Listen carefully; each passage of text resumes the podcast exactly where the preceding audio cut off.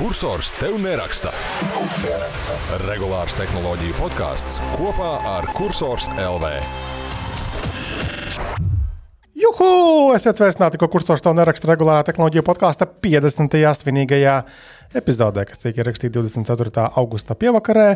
Ceturtdienā studijā esmu Maijas Kristaps, un šeit sarunā mums ir visi trīs muskatieri pievienojušies. Henrijs, kuram ir diezgan ūsas izaugušas daudz pa šiem pāris nedēļām, kad viņš te nav bijis. Pirmo reizi viņam ir izaugušas ūsas, bet tas tā. Jā, ok, Ansis, kuram ir sirmot ūsas sākušas, un vienmēr smaidīgais Jurģis. Sveiki, Zēdi! Čāviņa un sveiciens svētkos! Urā! Urā! Jā. Tā tad Ansim bija jau komentārs pirms ētera, ka mēs uh, ar Henriju neesam sapratuši Lainas problēmas uh, mērogu. Pastāstījām, ko mēs neesam sapratuši. Tavuprāt, jūs neko nesat sapratuši. To jau mēs noskaidrojām. Bet mēs labāk, nu, tur tā stāsts vēl nav noslēdzies. Manuprāt, šo, šī, šajā nedēļā Lainusam ir bijusi pilnīgs klusums ēterā. Pilnīgi kluss. Ne, vispār nekas nav bijis. Kur neviena epizode nav bijusi? Ko, ko lūdzu? Neviens video nav bijis. Tas nevar tā būt. Neviens nav bijis. No, no, viņi jau teica, ka tas tikko pārskatīts, bet Dāvāns stāstīja. Bet, bet, bet par, par Lainus, nē, nē nu, to, to mēs redzēsim. Es domāju, par to mēs arī esam parunāti uh, nākamajā vai aiznākamajā sērijā. Bet es domāju, ka mums ir jāparunā par pikseļu piedzīvojumiem. Nē, labi, pastāst, nē, sākam ar Lainusu. Sākam ar Lainusu. Jūs vienkārši drusku virspusēji to paņēmāt. Nu, paņem Pasāk, dziļāk. Paņem dziļāk, that's what she said. No. Uh, vēl es sadzirdēju, atkāpjoties no Lainusa, ka, ka jūs mani strostējāt par lamāšanos tiešajā un netiešajā ēterā. Pagaidām, ne, ne, neaizbrauc no tevis. Bet, bet man ir jāsaka, ka jūs paši nebijāt nekādi pūkainie zaķīši un tādi faktiski bijāt tādi vidēji saraini oposumi. Tā kā es nepieņemu šīs sūdzības par lamāšanos. Jā, pakaļ lūdzu. Lainus, nu, es domāju, ka viņam tur asti ir ievērta bluķītī, ka tur būs diezgan sarežģīti tur izlocīties, bet nu redzēs, kas tur notiksies. Par to, ka tur viņš ir izsolījis, ka pārdevis kaut kādu vienu unikālu dzēses elementu, tas tā kā mazāka problēma, bet tās, ka tur tā uh, meitene uzpeldē tā rižmatainā, es tagad paspēju aizmirst, kā viņu sauc. Nu, nav svarīgi. Sau, so, sopa, saupa, meitenīte. Tāda ir uzvārda. Nu, tur var būt lielākas problēmas. Nu, viņi laikam tur noalgojuši ir kaut kādu ārēju izmeklētāju. Nu, redzēs, kas tur būs. Bet es gribētu pieķerties pie tiem pikselu piedzīvojumiem. Pagaidiet, pagaidiet. Tātad, nu, jo tas ko, man, ko cik es esmu dzirdējis, tas ir aizraujošākais, kas ir noticis viena cita precēta vīrieša dzīvē. Pagaidiet, tomēr atgriežoties pie lainas. Jā, tad tu gribi teikt, ka tur ir problēmas tātad komandā par nu, jā. šo te bāts kā ir latviski. Harassment. Labi, kaut kāda seksuālā, seksuālā aizskaršana. Uzmākšanās. Jā, un tas ir tas, kas man pietrūkst mūsu komandā. Ne gluži no jums, džentlmeņi, bet vispār. Tu esi vīrietis, vīrietis, un vienmēr patīk šis nav diskutabls jautājums. Par Twitterī diskutēt, tu tur zaudēsi visos punktos. Labi, apakaļ pie lainas. uh, bet, ja mēs atgriežamies pie pikseļa jautājuma, nu, nu, ko jūs ar to lainus? Nu, tu, redzēji, tu jau uzbrauc mums. Ko mēs, jā. jā, ko mēs. Uh... Jūs paņēmāt drusku pa virspusēji. Tātad mēs atgriezīsimies pie šī jautājuma, kad lainus būs kaut ko sniedzis, kaut kādas jēdzīgas atbildes. Viņš jau reklāmas klipiņu. Es domāju, ka tur ir nopietnākas problēmas nekā viņi pasniedz, bet saistīts tieši ar ko? Ar komandas uzmanību. Sadarbību ar video kvalitāti. Es domāju, ka, ka tur ir tā, tā vecā, vecā, vecā komanda, kas ir. Um, nu, es viņus no galvas nezinu, kā, kā viņus tur sauc. Tie, kas visbiežāk parādās vidīkos, ka tā ir. Nu, Toksiska, nu, viņiem ir savi. Sauc. Piedod, ko? Toksiska. Pusdienās to sauc par toksisku. Nē, nu viņiem ir savi, savi joki droši vien un savs pieejams, kas ir bijis pirms pirms daži tur ir jauni pienācēji, ir vienkārši bijuši piedzimuši.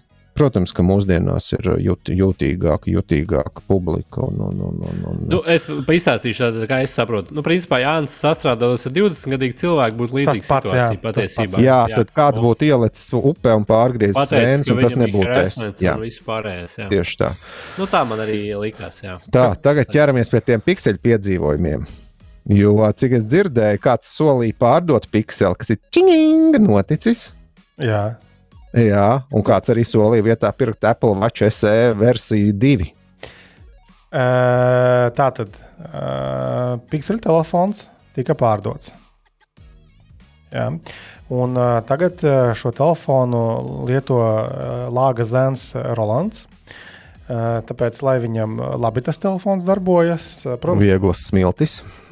noticis. Jā. Jā, un kāds arī solīja vietā pirkt Apple Watch SE versiju 2. Tā tad pikseli telefons tika pārdots. Jā. Un, tagad šo telefonu lieto Lāga Zēns Rolands. Tāpēc, lai viņam labi tas telefons darbojas, protams, vieglas smiltis. Tur ir labas, jā, tā tad viņš dabūja ne tikai to telefonu, bet dabūja arī austiņas, tās Pixelbuds Pro. Un rezultātā tas komplekts izmaksāja lētāk nekā es gribēju dabūt par pašu telefonu. Bet tas nav svarīgi. Tur bija vairāki pretendenti, mm, bet Rolandu kaut kā izveidojās normāls kontakts. Es viņam izskaidroju reāli visas problēmas, kas, ko es biju konstatējis tam telefonam. Es palīdzēju viņam mēģināt saprast, cik no tām problēmām ir nu, dzelžu problēmas, cik ir softa kaut kādas lietas. Un vēl pēc tam, kad viņš bija saņēmis telefonu, viņš kaut ko man rakstīja, nenobloķēju viņu, nenomutēju viņu, bet centos vēl atcerēties, kā man gāja ar šādu vai tādu aspektu. Tā uzturam kontaktu. Tas ir redzams gadījums. Parasti, kad tu pārdod dīvainas lietas, tu izdzēs uh, kontaktus, tev telefonu izmet Daugavā un viss sāc jaunu dzīvi. Bet šajā gadījumā tagad ir ēsim. Nevajag tā. Tagad vienkāršāk. Var izdzēst ēsim, jā, nu redz, jā, tu pieredzi šajos jautājumos, kad dzīvokli pārdosi un ēsim izdzēsīs. Un nosvīdīsi. Starp citu, jaunākās baumas par astotajiem pikseļiem uh, uh, saka, ka viņiem būšot uh, atsevišķos tirgos, visticamāk, ASV. Uh, būšot versija, kurā būs tikai un vienīgi e-sims, kurā nebūs uh, nu, parastā simkarte. Man liekas, ka tas ir tāds pats gājiens, kā Apple to izdarīja pirms gada.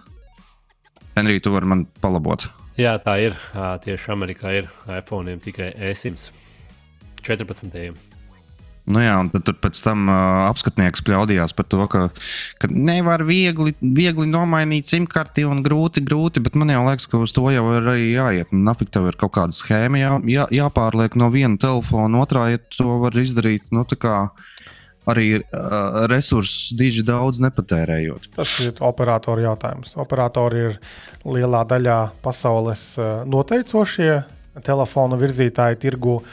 Un, ja operators nav ieinteresēts, lai klienti vienkārši lēkātu starp viņa tīklu un, un konkurentiem, uh, tad, tad, tad protams, nu, tur nebūs nekādas sadarbības. Bet izskatās, jā, ka viss virzās uz to, ka esim būs arvien vairāk telefonos.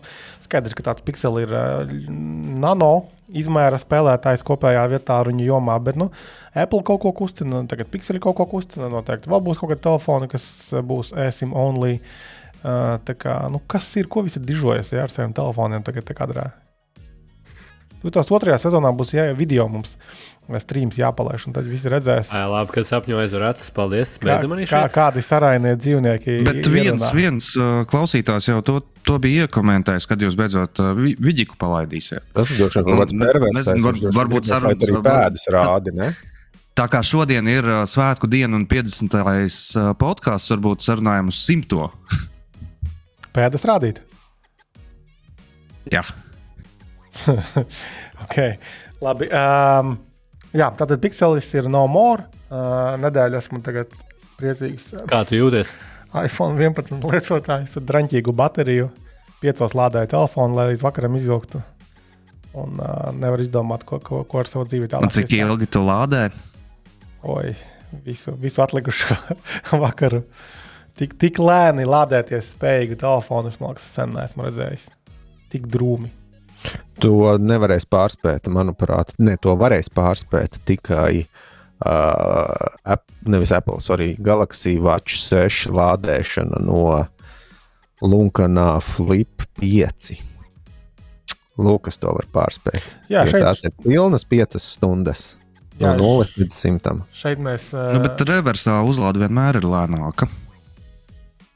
Un teiksim, tā, tas jā. ir vienīgais instruments, kas ir. Jo ar, ar čī vai QI vai kā nu tos viņus sauc, tos lādētājus, šo fantastisko vietu tālruni galaxiju, ne vienu tālruni, bet vietu pulksteni galaxiju Watch 6 uzlādēt nevar. Tur ir kaut kāds cits bišķi standartiņš apakšā. Un šie parastie lādētāji bezvadu nelādē, bet reversi uzlādēt var jā, no Samsungiem. Tas ir, ja tu viņu ar, ar skoču pielīmē, lai viņš neslīd no tā telefona. Jā, jā, jā, un tur slidens ir un tikko ir bijis šķībāks galds. Tā ir tā aizslīd. Kas, prom. kas tur īsti notika? Tev tā testa ierīce bija bez lādētāja? Jep. Es varu, jā, tad tev jāizdomā alternatīva. Es varu nokomentēt mazliet plašāk. Tad, respektīvi, jā, mēs saņēmām uh, testa ierīces, tātad jaunos Samsungus, uh, gan Galaxy uz kastītes Z Fold 5. Ja? Un Z Flip 5, Galaxy Watch 6, 6. tagad ir Watch. Pukstiņi ir vairāk nekā Foldu. Jā, lūk, un, un ja, ja telefonā bija divi kastītēs, tad retail iepakojumā viss bija skaisti, tad pulksteni vienkārši atsūtīja pliku pulksteni. Te ir tā interesanti, arī lai forši varbūt klausītājiem kontekstu iedotu. Nereti mm, ražotāji vai aģentūras mēdz atsūtīt vai nu baltās kastītēs, vai vienkārši bez kastītēm, bez lādētājiem kaut kādas ierīces, jo teiksim, kad ierīces parādās tirgu, viņiem kaut kādas demo ierīces ātrāk varbūt nonāk un vai grūtāk tikt pie retail ierīcēm. Un, eh, protams, kad mēs kā mēdī esam ieinteresēti mazliet ātrāk tikt pie tām ierīcēm. Šogad gan ir kaut kā ļoti dīvaini, jo uh, ne mēs esam ātri saņēmuši tās ierīces, tādā ziņā jau viens ķeksis, kad nofēlojas ir Samsung. Tad tālāk ir atsūtījuši vietpūksteni bez nekādiem lādētājiem. Nu, ja tur kaut viens būtu kaut mazliet padomājis līdzi šim jautājumam, nu, tad nu, neblamētos. Šitā, nu, mūsdienās tie, tie vietpunktiņi visi ir ar šiem proprietāriem lādētājiem. Un, un, kāpēc mums ir jārisina svešu cilvēku problēmas? Tā, respektīvi, tiek kavēts mūsu darbs, ko mēs varējām jau šīs trīs dienas vai četras, kamēr mēs dabūsim to lādētāju. Veikt normālu šī telefona, nevis putekļu testēšanu un darboties. Tā, tā mākslinieka klāja necieņa pret citu cilvēku uh, darbu. Uh, lūk, tāpēc, uh, jā, bet nu, pārsvarā tomēr nu, sūta jau retail. Mēs arī prasām, teiksim, retail kastītājs, lai mēs varam iegūt to iespēju par ierīcēm, kādu gala rezultātā tad arī cilvēks pērkot veikalā. Uh, telefonu vai, vai vietpunktu vai citu gadgetu arī gūst. Tāpēc mums ir svarīgi, kas ir komplektācijā, kā tas viss izskatās, kā tas viss, nu, cik tur nezinu, uzlādes vats, ja viņš ir, cik garš un tā tālāk un tā joprojām. Tāpēc šajā gadījumā fuj, fuj, fuj Samsung un aģentūrai, kas apkalpo šo, šo klientu, un cerams, ka tiks labosies un, un, un turpmāk tiks sūtītas ierīces pilnākās komplektācijās. Bet nu, labā ziņa ir tāda, jā, ka šie pulksteņi, pulkstenis un, un telefoni ir. Un tuvāko nedēļu laikā būs arī mūsu skatījums par ierīcēm. Pie tam Jurģis testēs uh, grāmatiņas tipa, jeb foldu. Tev ir bijusi iepriekš pieredze ar ar, ar foldiem. Tur arī ilgtermiņā mēģināja lietot iepriekšējo vai aiziepriekšējo modeli. Tāpēc būs interesanti pavērot, nu, kāda ir attīstība ir bijusi vai nav bijusi Samsungam. Savukārt, Ansis kā sievišķīgāka dvēseli izvēlējās sievišķīgāko modeli, flipiņu maziņo.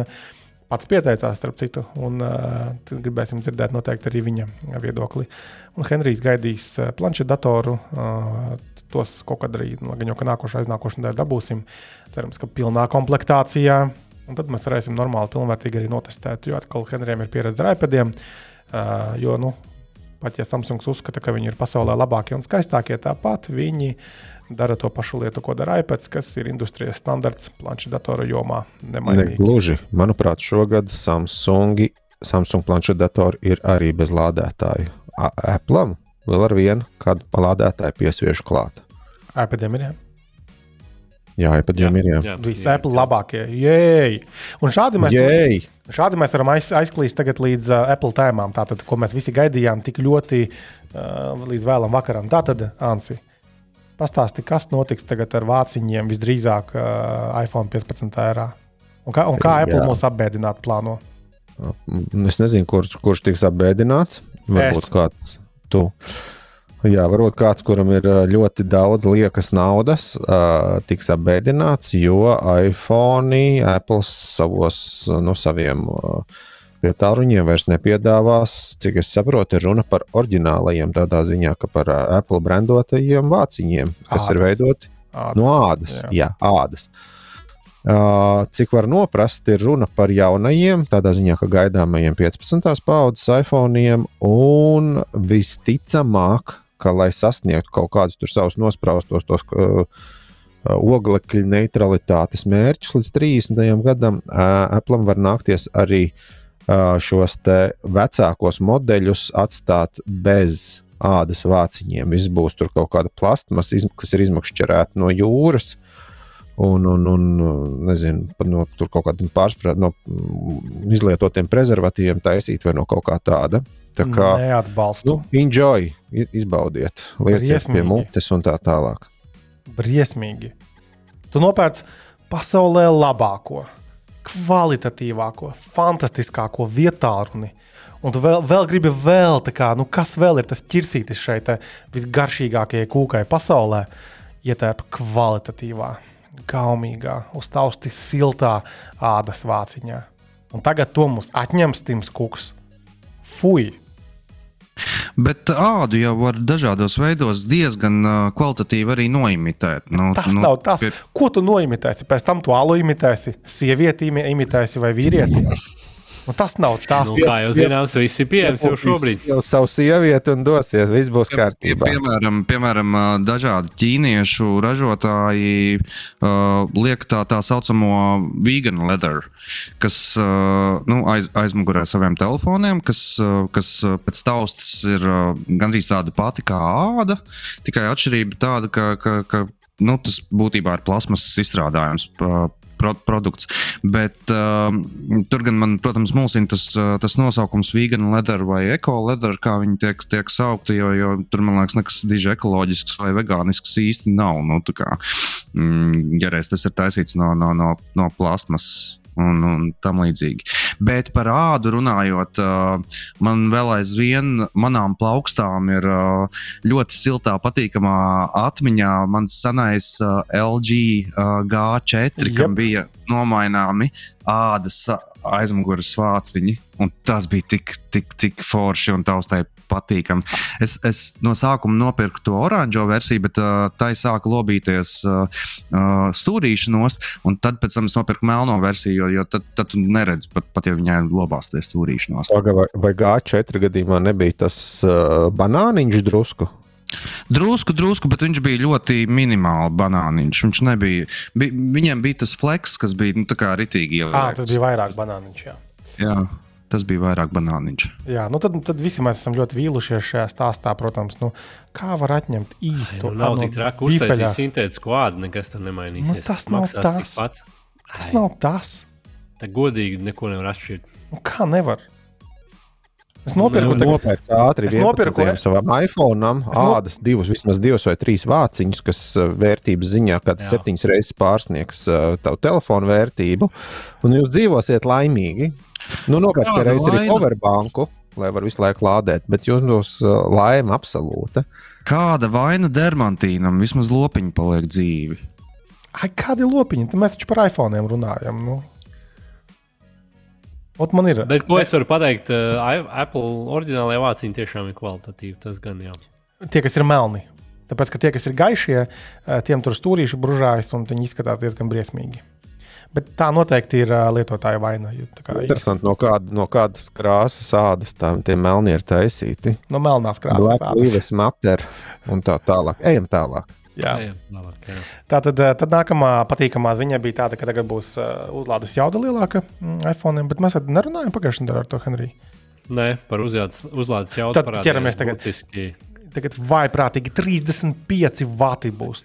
Nu, tā kā vienkārši blows your pants off. Vienkārši nu, tāda jauda. Tikai tā, tā dēļ vien varēs pirkt jaunos iPhone 15, bet, jā, kā Kristaps teica, varēs lādēties ar 35 vatiem. Man gan patīk, ko teica lasītāji šajā rakstā. Man šķiet, atkal diezgan iekars, iekars heits un prieks un viss kopā. Tad, uh, tad bija tas, ka cilvēkam jau neinteresē, cik vatiem lādējās. Tā kā jūs te Android fanāti, bet viņam jau reāli interesē laika ziņā, un tā jau arī pareizi ir palielinām kāda starpība. Un, uh, un tāpat jau beigās tur bija, kad visi telefoni tur dienu, ka pa lielam visu uzliek naktī, tur lādēties vai UTT, nu pa lielam šī ziņa un viss šī mērīšanās ar to lādēšanu. Tā pa lielam nevienam neinteresē. Nu, kā nu, tad atstāja telefonu 5 vatus un lai iet? Mākslinieks lādējas uz 15 vatiem. Mēs pagājušajā nedēļā, ko mēs daudz diskutējām nav. par uh, akumulātoru ietilpību, par to mēs diskutējām. Un acīm redzot, tas viss strādā. Jo tāpēc, ka tie, kas lādējās caur maksējumu 15, ir uh, ilgi izturās. Nu, tā, jā. ja mēs paraugāmies uz austrumiem, nu, tālāk par uh, okupantu valsti, bet uz ķīniešiem, kas tikai plāno kļūt par okupantu valsti, tad uh, tur uh, taču ir tās ārkārtīgi lielās jaudas lādētāji dažādiem telefoniem. Uh, bet, ja mēs neejam tik tālu kā 100 vati vai, vai 150 vai pat vēl vairāk, ir kaut kādiem dažiem gudriniekiem bijis. Man liekas, ka zelta vidusceļš tiešām ir uh, tas, kas ir OnePlusam, tie 80 vatu lādētāji. Uh, Tā kā gan nenojājas tās baterijas, varbūt tik daudz, bet toties, ka tu palādē telefonu ar šādu jaudu, ka tu 15 minūtēs vari uzlādēt lielāko daļu tās nu, divu bateriju, kas viņam tur iekšā. Nu, baigi tu pierodi. Un tad uzliek to iPhone, un viņš tur lādēs stundu, divas. Ja. Tad nav tas jazz. Bet, uh, jā, 80 vatiem liekas, ir super optimāla štela. Vienīgais tie lādētāji diezgan liela kluči tad ir. Jo tu nevari dabūt lielu jaudu un mazu. Kaut gan ir tie gan lādētāji, es redzēju Amazonā maziņie, uh, vienu, kur es biju laikam, pasūtījis, un viņš nosprādzis, bija tā kā nekas šajā pasaulē vairāk nav vienkārši. Lai skēnkar ir salīdzinoši mazāk izmēra un uh, jaudu sniedz Jā. lielāku. Bet vienīgais, tad varētu lādēt reāli vienu lādētāju visas ierīces. Xiaomi, man ir uh, Xiaomi 67 vatu lādētājs, ar to es varu lādēt arī darba laptopu un mm. no Type-C. Tā kā vienīgais, ko tev vajag, laikam, ir power, power delivery 3.0 droši vien, kad jāatbalsta. Un jābūt vismaz 65 vatiem, un tad tu vari lādēt arī savu kā mēs nu sākumā noskaidrojam, Kristapa šitais surface, surface sēž uz 40% šobrīd droši vien. Ieraksta mums te raidījumu, un, ja viņam būtu bijis šāds lādētājs, 36%. 36, nu jau, u, u, u, u. labi, slikti. Tad uh, nebūtu mums nekāda satraukuma, ja vien viņam piet, pietiktu tādu pieslēgumu. Nav vaina, vaina ir vadā šoreiz, manuprāt, jo tur jau tā arī burvība ir, kad mūsdienās arī vadiem ir nianses. Es, piemēram, esmu novērojis to, ka nu, tādas zemākas jaudas uzlāde ir parasti tiem ražotājiem, kas, kas neiekļauj komplektācijā lādētāju. Nu, faktiski mēs runājam par Apple, Google Samsung. un, un, un, un Samsung. Starp citu, Samsung arī jo, nav nekādi pirmrindnieki. Jā, Samsung ar, arī salīdzinoši lēni lādējās. Un, uh, bet, bet tas ir arī diezgan loģiski, jo, jo, jo teiksim, tā kā Xiaomi un OnePlus un pārējie dižojās ar to superātro uzlādi, nu, lai to nodrošinātu, viņiem tie, tie lādētāji arī ir jādod līdzi. Nu, tur, tur, Tieši tāds ir. Un tik, tikko, man liekas, šodien pat uh, Realme izziņoja uh, atkal, atkal jaunu, jaunu trubu ar uh, 240 vatu uzlādi. Diezgan liels vājprāts. Nu, bet labi, kamēr kaut kas no šādām tehnoloģijām atceļos pie mums, paies vēl diezgan labs laiks. Bet krietni ātrāk atceļos visdrīzāk tie baumu līmenī esošie jaunie Apple kabeļi, kuri kļūs ārkārtīgi gari, auduma laikam apvīti un nodrošinās zvērīgi lēnas USB 2.0 datu pārraides ātrumus. Bet kas ir dīvaini? Mēs taču runājām ar kad tik ir Jurģa, vai ko mēs runājām eh, pirms pāris epizodēm, ka o, tur Thunderbolt atbalsts būs tur tās iPhone. Kāda jēga tad piedāvāt lēnus kabeļus? Es neredzu, tad jēga no visa šī pasākuma. Tas ir viens. Un uh, otrs, tas, ka pītie vadīja jau taču ir. Uh, ko kur es biju redzējis? Macbookiem ir uh, pītos vadus, do, vadus dod, un ne, ka tik ne iPadiem arī. Ne? Homepadam. Homepadam arī. Ja? iPadam, nē, jā, Homepadam. Nu, jā, Jurģi, ko tur dižojies? Nu, kur es dabūju tādu? Un, uh, Man liekas, nevajadzēja tās krāsas mainīt, bet tās manas domas. To, to saucamo pīto latviešu var atstāt. Jā, viņš iespējams ir izturīgāks, bet tās krāsas, nē, Ai, nu, MacBookā vēl tur tā. Izskatās nesen uz testu arī, kas bija, bet uh, iPhone, es domāju, plēlam vienalga. Kamēr nāk vienkārši līdz tas USB-C, lai nāk līdzi un viss. Ar to jau pietiks. Tas noteikti tāda... nebūs selling points tā jau tāda īstenībā tāda fundamentāla lieta, jo, jo Apple produkcija jau ar to vienmēr ir bijusi ikoniska, ka, ka, ka, ka tev tie vadi ir balti un, un, un tās austiņas ir baltas. Un, un, un, un kā, kā, kā, kā, kā pār, pār, pārkāpt šādu, nezinu, tādu ikonisku, diezgan uh, dizainiski no, no, nozīmīgu soli, es nezinu. Nu, jāpielāgojas tirgu. Ok, jā. Labi, tad uh, Ansis teica, ka es plānoju pirkt Apple Watch. Jā, tāda lieta bija, bet tad man beidzās nauda. Uh, un tad es vairāk neplānoju šodien pirkt uh, Apple Watch, bet kādreiz es noteikti, kad man būs nauda, es, es nopirkšu Apple Watch kaut kuru. Uh, bet bija arī tāds uh, ziņa pētījums, kā kārtējais dīvainais, uh, ka baigi daudz baktēriju visādi uz šīm siksniņām, vietpunktiņiem uh, atrodas. Kāpēc tur bija mm, Apple Watch pieminēta tik daudz? Tāpēc, ka tie ir kategorijas līderi un vienkārši vairums šo pulksteņu ir vislabākie tieši Apple. Lielam, palielam, ja tā yes. tur bija. Tur bija paņemts Apple. Tie ir vistoksiskākie. Nu, visvairāk izplatītie, viņš jau skaitās vispār vispopulārākais vietpulkstenis pasaulē. Kā? Es vainojos, rokas pulkstenis pasaulē. Ah, tas ir paudze jaunieši, kas iespējams neiedomājās, ka rokas pulkstenis ir mehāniskais kaut kāds krūts. Zināms, zīmols par vairākiem desmit tūkstošiem, bet tas ir pārsimt dolāru vērts Apple Watch. Tāds tiešām arī ir pasaulē šobrīd. Bet, nu, jā, nu, tur, protams, bija pētījums un diezgan loģiski, ka Apple Watch vai vispār bija arī cits uh, vietpulksteņa aprocis. Uh, Viņas izmanto sportā, un, protams, loģiski, ka tur ir daudz baktēriju. Tāpēc to, ko var paņemt no tās ziņas, vienkārši ir ik pa laikam vērtīgi to aprocīt vienkārši kaut kādā ziepienā ūdenī vai kaut kur nomazgāt. Respektīvi, nemitrināt. Uh siksniņas pie pūksteņa. Nē, nu tiešām vienkārši uh, maz, nu, ir netīra, bet arī bija, man liekas, Covid tieši laiks sākās. Mums arī bija, mums bija kaut kāda dezinfekcijas ierīce, man bija uz apskatu kaut kāds tur, it kā kaut kāds, es cik atceros, un vispār tad pacēlās tie jautājumi par dezinfekciju.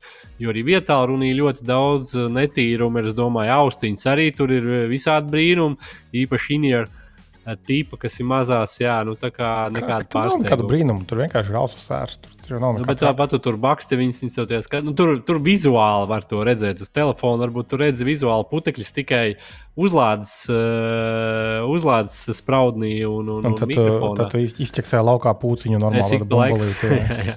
Tieši tā. Un, un, un tādā veidā. Kā, Bet siksniņas tādas gan gumijas ir problemātiskas, gan uh, auduma pareizes tās, kas zin, tās pītās. Tās bija vi, vis, visvairāk tās bija. Tās reāls pītās vispār ir pītās būs visbīstamākajā, jo viņas droši vien vēl sasūksies. Gumija jau tad nesasūcās, gumija vienkārši švīst vairāk. Bet nu, vismazāk bija metāla, bet loģiski metāla nevelk uz sportu. Līdz ar to visai, visai loģiski. Nu, nu, teiksim tā, nu šitā jau vairāk tāda, tāda ziņa, bet, bet pa lielam, kā ir 95% baktēriju baktērijas uz 95%. Tas ne tikai Apple Watch, uz visām sporta vietām. Henrijā, kā ir? Nu, tu kā tāds sportists, no nu, mums visiem vissportiskākais. Uh, ir atšķirība lietošanā, nu, tās pilnās siksniņas vietpūksteņa vai tās, kas ir ar šķirbām. Nu, tur, uh, nav svīst viņas līdzīgi.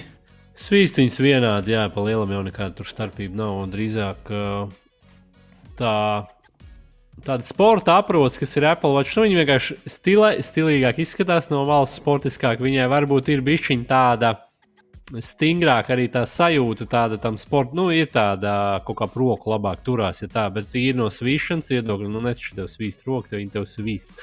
Es tur neesmu redzējis, vai man trīs pilas vairāk roka elpo vai mazāk. Okay. Tas palielam arī viss. Ja mēs runājam par svīšanu, tad bija vēl viena ziņa, kas ir saistīta ar Apple produktiem un svīšanu. Uh, ka šiem AirPods Max ir problēma, ka tā svīstās nu, virs ausīm uzvelkamās austiņas, un tur pilnīgi pat ir atbildējuši, ka tur reāli ir nu, zem šitām, nu, kā to saukt, mīkstās daļas austiņu. Ja tu atplēsi viņu nost, tad redzi vienkārši, ka tur ir mitrums. Un, uh, es domāju, ka ik viens, kas ir pasēdējis ilgāku laiku, nezinu, gamojot vai jebko darot ar lielajām over-air ausīm, uh, nu, ir silti pārsvarā šādās austiņās. Nu, man ļoti retos gadījumos ir padomāts, lai viņas kaut kādā vēlā tur ventilētos vai, vai kaut kas tamlīdzīgs. Bet tur bija pat problēmas, ka tās lielās, dārgās, vaiprātīgi Apple austiņas viņas pat sāka čerkstēt un, un, un zaudē savienojumu, respektīvi, ka tas mitrums sabojā tās austiņas. Tā arī tāda problēma ir.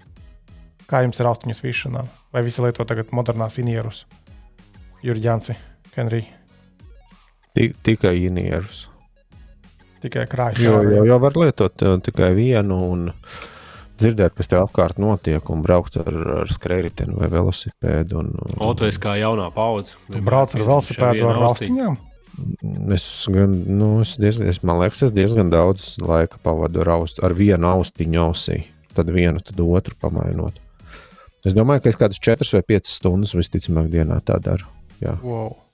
Es, kad redzu, nu, uz ielas, kad brauc kāds velosipēdists ar austiņām, nu, lielajām kaut kādām, mēs ar milzīgu līkumu viņam garām braucam. Nē, nē, viena, viena auss tikai ir iekšā. Nu, Rīgā to redzēt, ir tādus, kas ar lielām ausīm malc visu laiku. Nu, es par citiem nevaru atbildēt, es tā kā par sevi. Bet, ja tev ir jaunās AirPods Pro otrās paudzes, tad tev viss trokšņi tiks automātiski ielaisti un neielaisti, tad, kad vajag. No, tā transparents ir arī. Jaunās, man liekas, maksā kā 250 eiro, tad viņas nebūs. Es domāju, kāds 329.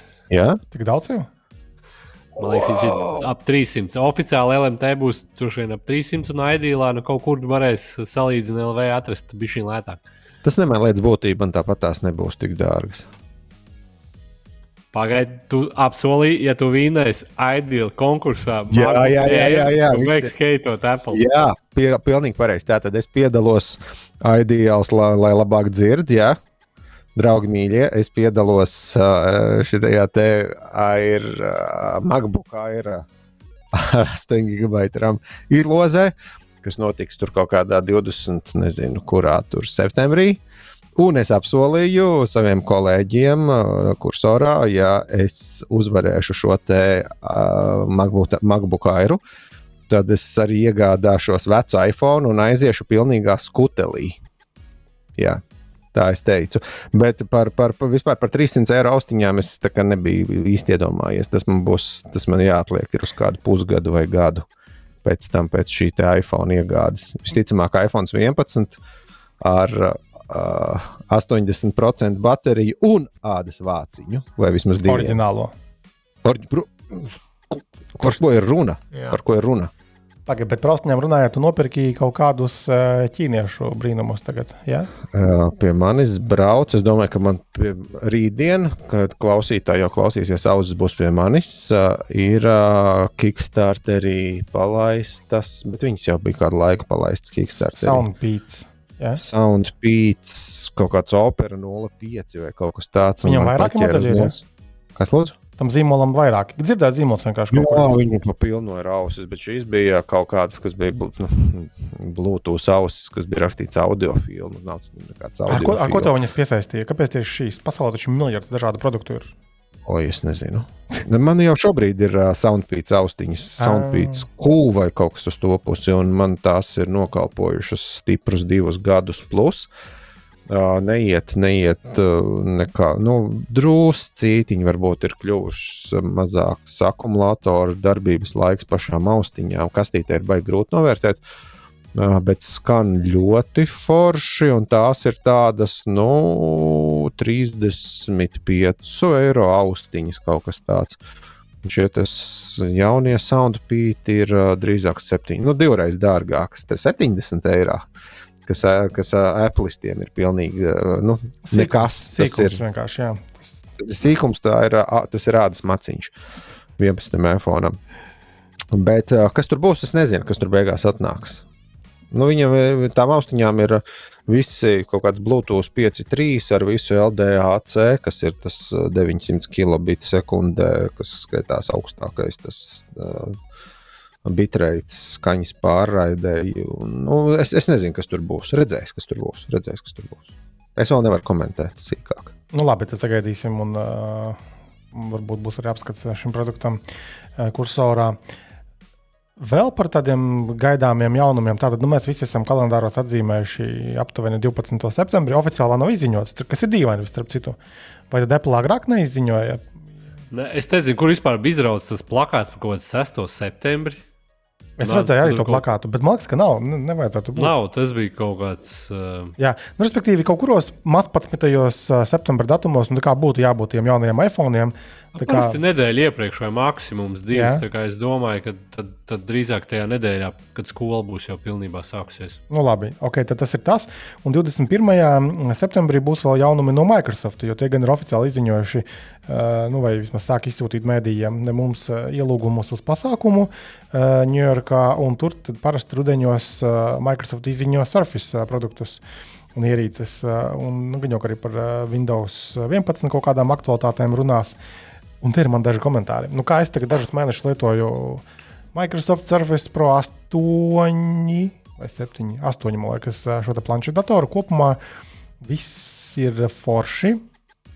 Atskaitot dažas lietas, man tur bija pirms nu, mēneša vai diviem tās problēmas, ka tur porti atņirdzas, abi divi USB, un tad viņš nelādējas un uz monitoru neko nesūta. Vienreiz ar vienkāršu restartu sanāca, otrreiz vajadzēja uh, veikt eh, pamatīgākas darbības. Tagad ar portiem viss ir kārtībā, bet kaut kas sāk ņirkties ar eh, kameru.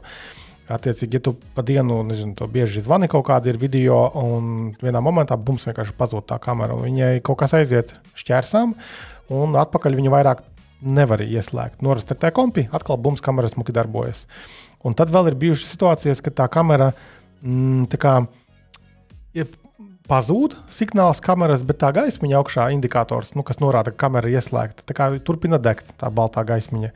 Un tad viņš tur karst bezjēgā tas uh, kompis, bet bildes nav. Nu, kā, jā.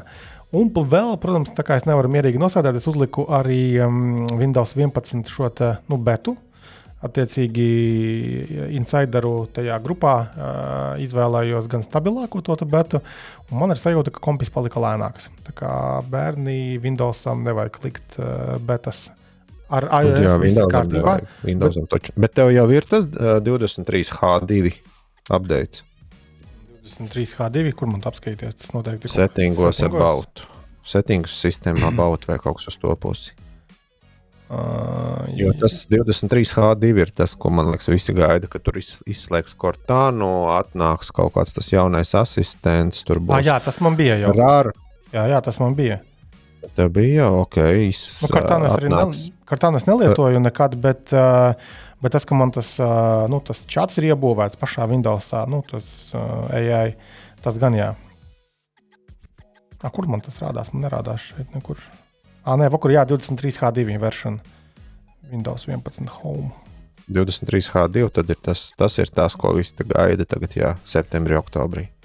Bet nu, labā ziņa ir tāda, ka vienkārši bija jāpaciešas, lai mm, pilnais uh, laidiens un tad jālien laukā no tiem insideriem, jo nu, pamata ierīcē man ne, nepieņemama ir šāda bremzīga darbība tomēr.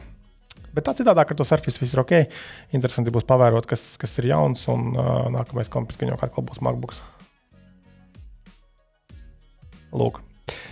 Bet nauda nepietiek pat pulkstenītam par 230 eiro. Šobrīd nepietiek, jā. Šobrīd nepietiek. Cik? Pat cik? Es nezinu, tu pats teici raidījumā, iepriekšējā vai aiziepriekšējā 239 SE otrā versija. Man liekas, 299 jauns. Vairāk, vairāk, jā, jauns. Bet uh, Latvijas banknotē. Bet nemaz ne, nekāda nav nemaz tik slikta cena pret to pašu Galaxy Watch. Tagad ir problēma tāda, ka kad būs tie jaunie rudenī ziņos jaunos? Nu jā, arī kopā ar iPhone. Domā, jāks, domā kā kopā ar iPhone? Nu, parasti jau Apple Watch ir. Vai SI trešā paudze būs tas jautājums, ja tu tieši pēc SI skaties? Bet plēlam tagad noteikti neko nav jēgas pirkt no Apple vispār. Man vairāk patika baumas, ka ka, ka, ka, ka kaut kad nākotnē iPhone, Apple Watchos varētu būt iebūvēti sensori, kas nosaka krāsiņas apkārt un pieskaņo to ciparnīcu, jeb uh, watch face uh, tam krāsām, kāda apģērbs ir. Jā, nu, pilnīgs sūds. Ko sūta? Kāda jēga? Nu, kāda jēga no tā? Viņš ir saskarē ar savu sievišķīgo es, vai kā to sauc. Viņš man nolika par flip uh, izvēli Galaxija Es pateikšu savu viedokli. Apple Watch Always On display jēga vispār, godīgi sakot, nesaskatu. Vis daudziem ir, es redzu, ieslēgts. Pirmkārt, tērē bateriju, nekad uz to pulksteni. Tu tāpat neskaties pa lielam. Tagad tu pieliec roku, Apple Watch ieslēdzās nu, momentāni. Man, piemēram, izslēgts ārā. Tiešām no malas izstāsta stūbi, ja tu vēl kaut kur bildējies, nedod Dievs, tev viņš tur ieslēdzās pa lielam, ka viņš tev pieskaņos kaut kādu krāsu savam apģērbam, kad tu skaties pulkstenī. Nu, vienīgais, ja tas būs kaut kāds super dizainisks uh, bildēšanai pie tava uzvalka, значит, jēga nekāda. Es jūtu agresīvu tavā, tavā balsī, Henrij. Nu. Mēs jau par daudz esam aizinājušies par Apple. Jā, jā labi. labi. Bet, bet idejaski es piekrītu tev, ka šobrīd nav īstais laiks pirkt Apple mantas, tāpēc, ka tūlīt tās būs tiešām jauni iPhone. Attiecīgi visiem vecajiem kritīsies cenas, viss vis, vis šitais. Apple Watch arī visdrīzāk būs jaunie. Vienkārši saņemamies. Esam vīri un sievas. Un, nu, saņemamies, ja, un sagaidām to 12. vai kur tur septembrī, un tad vēl kaut kādu mēnesi vai divus piekrājam naudu, neiztērējam Ziemassvētku dāvanām, tāpēc, ka nemaz tie mums ir radinieki un mīļotie cilvēki nav vajadzīgi. Galvenais, lai mums naudu ir Apple produktiem. Ja? Tas. Bet ar citu septembris būs interesants ne tikai ar Apple produktiem, bet, um, ja nemaldos, IFA notiek Berlīnē. Nu, septembrī sākumā vienmēr ir notiek, jā. Tā kā visas veļas mašīnas apskatīties tur, var jābrauc. Tur arī būs, būs, būs vis, kā, vis kaut kas ja, interesants. Tur jau Honors jau, jau pateicis, ka tur atkal savus foldabļus uh, prezentēs un, un, un vēl, vēl citi ražotāji. Tur būs ne tikai veļas mašīnas varēs apskatīties, bet arī telefons viņš īkšķi. Nu, labi, veļas mašīnas ir viena lieta, bet kas ir Sony Playstation portāls? Tā ir oficiāli izziņota lieta. Tas, par ko mēs runājām, kad vēl bija baumās, tas, tas, tas produkts, kas bija kā, baumu bildēs, kontrolieris PS5 uz pusēm pārzāģēts un displejs iebāzts iekšā pa vidu. tagad ir izziņota šī ierīce. Uh, tāda saucās, jā, Sony Playstation Portal. Tātad tas ir Remote Play Device, uh, kas maksās uh, cik tur 200 dolārus kaut kādus. Jā, 200 dola, 220 eiro uh, mūsu pusē. Un tā būtība ir tāda, uh, ka ar to varēs spēlēt spēles, kas attālināti griežas kur PlayStation. Tavā PlayStation, tevā piektajā PlayStation. Jo remote play jau ir uh, kā lieta, kurš man te kaut ko rādīja, kad kaut kādā iPadā vai kur tu vari pieslēgties un kā, spēlēt prom no, no tava Playstation. Es to cloud gaming nesaprotu lietu. Man tas liekas tik briesmīgi un nelietojami. Bet, nu, redz, kur būvē produktus un galu galā kilo produktus. Taču Google stādīja bija tieši par to, par attālināto cloud gamingu. Jūs esat mēģinājuši, tā labi, tā konsoles nav. Jurģim, es esmu mēģinājis nu, kaut kādu ļoti senu. Uh, bet uh, es kaut, kā, kaut kādas um, nu, lēnas, vienkāršas spēles. Uh, man liekas, Google nav, nevis Google nav, bet arī GeForce nav. Uh, es mēģināju, un nu, nu, bija tā aizture. Man pat ir diezgan ātrs internets dažās no mājām. Un, nu, tā aizture tomēr bija manām arī, arī diezgan lēnās spēlēs. Nu, nekādus kontrastraikus tu tur nepaspēlēsi. Pat ne, pat ne kaut kādus offline, first person shooterus. Mm. Jā. Henrij, kas tavā pusē? Tev taču bija kaut kāds play, Xbox. Bija. Man ir Xbox, jā, ar cloud gaming kā no. tādu es baigi nesmu aizrāvies, bet, protams, tur jau jāskatās vairākas features. Viens jau ir cloud, cloud gaming, bet otrs ir, ka tu vari spēles vienkārši vilkt cloudā. Bet es saprotu, tur Sony gadījumā būs tā, ka tai konsolē būs jābūt nu, tai spēlē, lai viņi reāli varētu spēlēt. Nu, tagad tur baigā schēma nenormālā, nu, tas ir pa lielam vienkārši accessors placing. Kas man jā, tas ir attālināts. Jā, jā. reāli attālināt kontroli, kontroli pulsu. Tā kā man, es, es starp citu, kā arī kā mākslinieks lietotājs, un vispār man arī kādreiz gribējās kaut ko uzspēlēt, bet varbūt nav bijis tā datora jauda, tāpēc es paņēmu Xbox. Bet es it kā cloud gaming būtu baigi interesēts, bet es saprotu, nav, nav vēl aizgājis un kaut kā. Tā aktualitāte man personīgi norimusies. Bet es domāju, es ticu, ka tur ir īpaši uh, ja varbūt Apple tur vairāk par tām spēlēm sāks domāt un runāt, un ka viņi tur mainīs arī tagad jau maina ar to M2 procesoru, tur to apstrādi grafisko, nu varbūt tas kaut kur bišķiņu uzmirdzēs eh, nedaudz. Bet, nu, Kā jau mēs runājām, ka būs kaut kāds varbūt Apple konsoles spēļu. Ja? Ot, tām gan es neredzu jēgu daudz runāt. Es atzīšos, ka Apple nav ar. Apple nevajag visur līst. Nu, vajag. Nu, nevajag. Un nu, vajag. Spēļu Mums ir divi galvenie lietotāji, galvenie trīs spēlētāji. Un pēc tam viņi būs uh, uh, otrais, trešais un ceturtais spēlētājs. Ai, nu, labi, ejam, viss, beidzam šo. Jā, uh, tad bija vēl tāda interesanta ziņa. Atari atdzīvina 2006. kaut kādu tur to 2600 plus konsoli, uh, kas izskatās pēc žilitona mūsu pasaules daļas izpratnē. Uh, Bet tā man likās tik ļoti amerikāniska ziņa, nu, vai nezinu, japāniska ziņa, vai kur, kur tie arī toreiz bija. Līdz Latvijai šis te ne, nebija parādījušies. Nu, nē, nu, beidz, manuprāt, runa bija par gan, gandrīz 50 gadus vecu vēsturi. Tas bija 45 vai 46 gadu vecu vēsturi. Toreiz. Latvijā nebija elektrības vēl. Nē, to, toreiz bija varēja pie Leņķina iet nolikt 1. septembrī ziedus, manuprāt, un visās pārējās, un 23. oktobrī, un kad vēl nav tās Leņķina dzimšanas dienas. Uh, bet uh, mums līdz tādam Atari un spēļu konsolēm un krāsainiem droši vien televizoriem bija diezgan tālu, bet, nu, izskatās, ka jaunos, laikam bija septembrī vai oktobrī paredzēts, ka būs pieejama tā atjaunotā spēļu konsole, kas īsti laikam idejiski neatšķirsies no vecās 2006. Nu, viņa saucās laikam Atari 2600, tā vecā un jaunā ir 2600. Plus. Atšķirība ir bišķiņa kaut kāds jaudīgāks, laikam, moderns, nu, moderns nosacīt, moderns processors un HDMI izēja. Lai varētu pieslēgt pie normāliem televizoriem, jā. Jā, lai, lai var pie televizora piesprāst, lai nav, nezinu, tur, uh, kas, kas tur kādreiz, tas droši vien pats kārt, uh, šitais te resnais nebija, uh, varēja par kaut, kaut kādiem banāniņiem, tur nav svarīgi.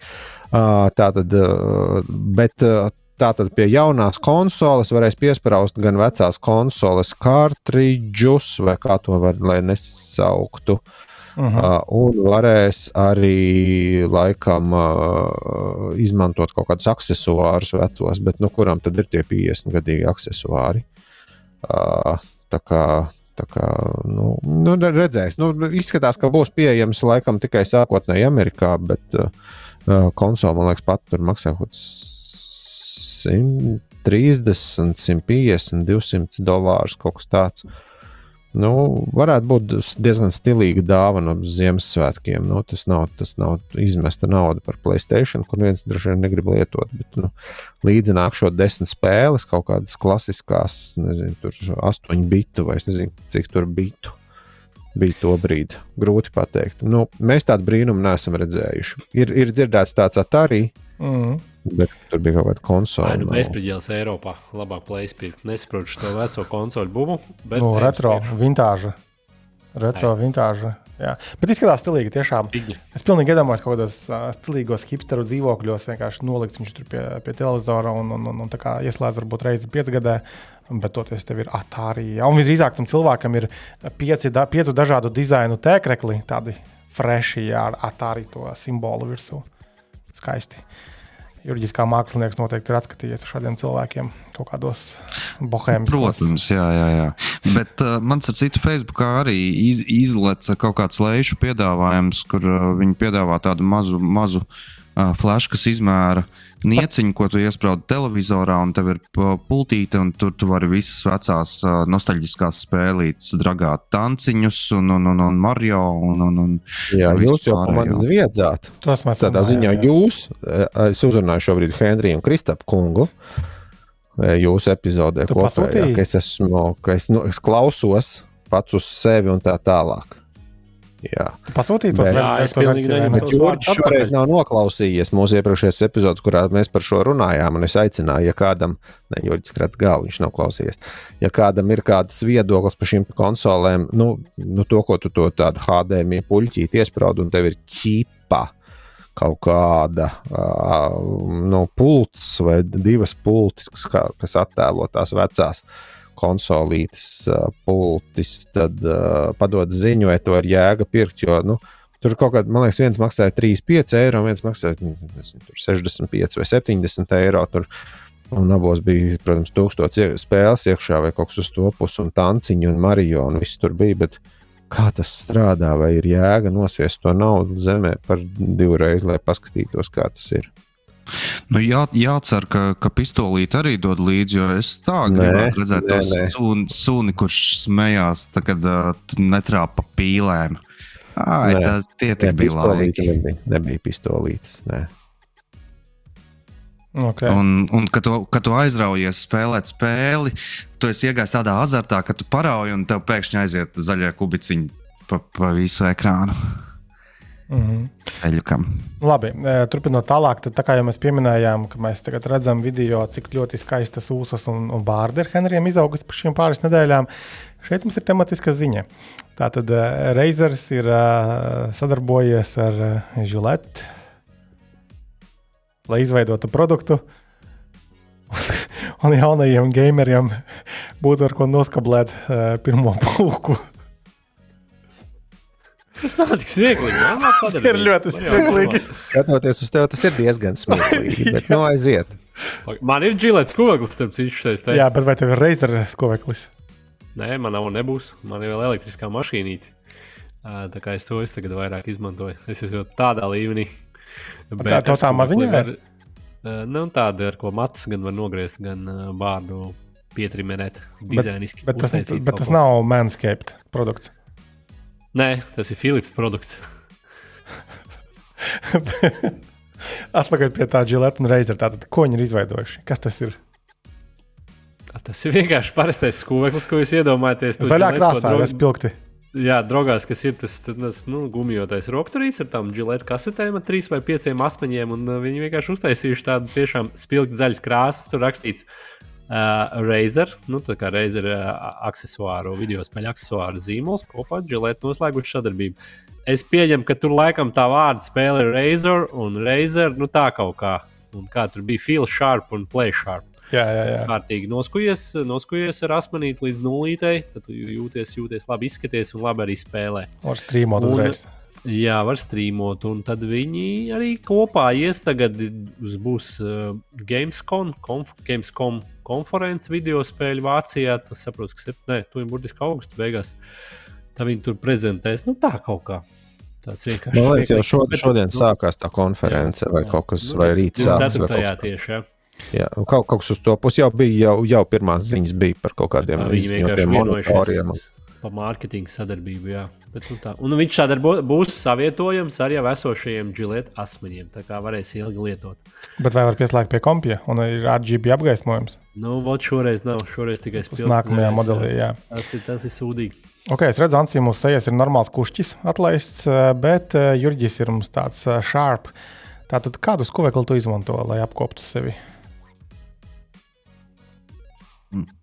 Mans ar citu vannas istabā ir, ir uh, vairāki. Man ir. Uh, man ir arī Manscapes. Man ir Manscapes, man ir, uh, man ir uh, Philips un. Un, un, un, un, un, un, un, un tad ir kaut kāds nobrēna brīnums. Bet elektriskie visi? Kaut kā tā. Elektriskie? Mm? Visi elektriskie? Jā. jā. jā. Tie, tie ir elektriskie, bet ir arī uh, manā arsenālā ir arī neelektriskie, jo, jo diezgan bieži, tad, kad ir filmēšana uh, vai, vai, vai jāspēlē, tad tev uh, tad tu nevari atļauties tos, tos Rugājus, uh, uh, matus uz sejas uh, atstāt. Uh, tāpēc ir uh, gludi visai bieži.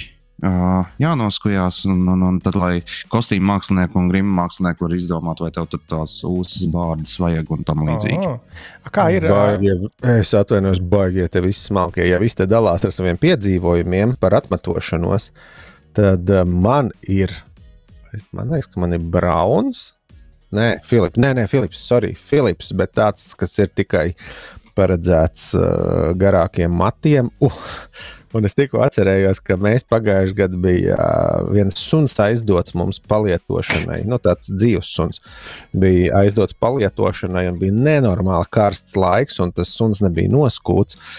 Un ar šo Philipsu, kas, nu, kur vērtība ir aptuveni 35 līdz 40 eiro, tika skūts arī suns. Jā, un sanāca. Tā, jā, diezgan smieklīgs. Nē, nu, gludi, bet mēs tur atstājām. Tur. Lielu galvu un lielu astes galu, un, un kājas bija grūti noskūt, bet vispār, bet ir suņu skūt ar uh, savu skuvekli nevajag. Jo suņi, viņiem tā pavilna ir briesmīga ir ļoti grūti noskūt. Tas bija kāds stundas darbs aptuveni. Wow, pacietīgs. Jā. Sunu vispār nevar skūt. Man ir suns, kas četras stundas tiek griezts. Nu, nu, tu, tu, tu nu, vienalga sauc to griezt skūtu tiem suņiem. Nē, nē, nē tiešām nevar. Nu, tas ir viens, bet tādus profesionālos jau ne, neskuja ar mašīnīti. Viņus jau griež uz čērēm. Piedod, piedod. Kaķi. Galvenais, lai kaķīte ir. Man patika joks par Filips skuvekļiem, kāds bija teicis, nu, to Filips skuvekli nekad nevajag lādēt, un tad nu, viņi tā kā varētu iet tajā biznesā baterijas taisīt elektroautorātu. yeah. Ok, labi. Tā tad uh, reiz ar uh, faniem ir lieli prieki. Cik tev ir uh, baterija palikusi, Kristap? Man baterija ir palikusi 20%. Kad izslēdzu pat kameru, jūs man neredzat, bet toties kādu laiku vēl dzirdēsiet, mums būs uh, saruna. Um, jā, labi. Kas mums vēl tāds bija interesants uh, no tēmām šajā nedēļā? Samsungs plāno it kā lētāku uh, šo salokāmo telefonu uh, line-upu, ja? kad būs uh, Flippy FE versijas. Nu, tas... Būsim godīgi, ka FE versijas vispār ir diezgan jau tādas papludinātas un īsti nav. Pagaid, ir parādījies 23 FE vai vēl nav? Nu, nav, kā, visi nav, gaida, nav, gaida visi vēl pagaidām. Sept, septembrī it kā būšot, bet nu, baigi, nav, nav nekādas indikācijas, ka tas tiešām varētu arī notikt. Uh mhm. -huh. okay. Uh, nu, jā, labi. Net, netirgojas tie dārgie salokāmie telefoni, tad gan jau, ka viņam tālāk nākamais solis ir mēģināt tirgot lētākus. Bet ko viņi tad padarīs knapākos telefonos? Draņķīgāki displeji, kaut kādas kameras vienkāršākas. Nu. Es, es pieļauju, ka, ka par displeju tur, tur nemainīsies nekas, bet pieņemsim, Motorola tā arī tikko izdarīja. Viņiem tur dažādos tirgos dažādi nosaukumi. Viens bija uh, kā reizi, uh, Razer, uh, vairs neatceros, uh, 40 ultra vai, vai, vai kaut pre, precīzi to nosaukumu neatceros, bet vienā sakot, stāsts tāds, ka, ka viņi izlaida dārgāku modeli, nu, kas tur ap to pašu štuku maksā, un lētāku modeli, kas aptuveni ap 800 maksā. Lētākajam modelim bija mazāks ārējais ekrāniņš. Uh, bija samazināta veiktspēja, nu, tur uh, processors uh, zemāka gala, un, uh, un, un, un kas vēl, ah, un, uh, un korpusā stikla vietā izmantot plasmasu, kas arī varbūt nav, nav tas trakākais uh, uh, nu, kompromiss, ņemot vērā, ka plasmas tomēr uh, nešķīst kā, kā stikls un, un, un, un tam līdzīgi. Bet kas bija viens no trumpiem tam lētākajam uh, telefonam, bija tas, ka viņam bija salīdzinoši lielāks akumulators. Un, un, un, un, un tā, tā, manuprāt, tur, tur laikam Ansim jāprasa. Uh, Kā, kā flipiem ir ar akumulātoru? Viņi tā kā normāli tur vai, vai netur? Mm, jā, es nezinu, man tas flips šodien ir pirmo dienu. Es Bet vai arī citus esmu testējis? Nu, kas, kas to vairs atcerās? Būsim godīgi paši pret sevi. Bet, jā, man patīk, ka tu pieminēji uh, Motorola, jā, jo man liekas, tas mūsu kopējā chatiņā bija iemetis, ka Amazone to dārgāko, tas, kas ir uh, Razer, nezinu, kas tur 40 ultra vai kaut kas tāds - 1200 eiro plus piegāde. Tur nezinu, kaut kāda 10, 12 eiro, un tas ir tavējais. Tepat uh, no Vācijas atsūtīs droši vien pāris dienu laikā. Tā kā, Uh, nav, nav tā, ka, ka Samsungs paliek mums tā kā vienīgais. Nu, ar, ar OnePlus es saprotu, no OnePlus mēs nevaram dabūt lunka no, no pikseļiem. Mēs taču nu nevaram dabūt lunka no. Uh, OnePlusam Lukas vēl pagaidām, pagaidām nav izlaists. Bet, uh, oh, jā, pareizi, pareizi, pareiz, tur kaut kas tāds. Bet, bija, jā. bet tās baumas rāda, ka uh, viņš sauksies uh, OnePlus Open.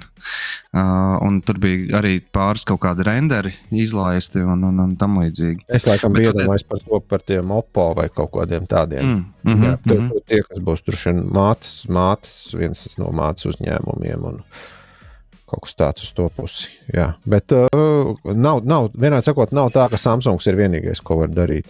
Kādam tur šķīvi sāk krist. Vai tas nu, bija mans? Starp, starp citu, ļo, ļoti interesanti. Pavisam nesen noskatījos uh, uh, Vidiku. Uh, Vidiks uh, bija uh, The Friday Checkout, uh, ko taisa uh, tāds. Uh, uh, YouTubers uh, ar nosaukumu Tekaltāri, ja esat uh, skatījušies. Un viņam tur bija uh, diezgan ne, neiedvesmojoša statistika par to, ka vietāluņu pārdošanas apjomi esot nokrituši līdz 2013. gada līmenim.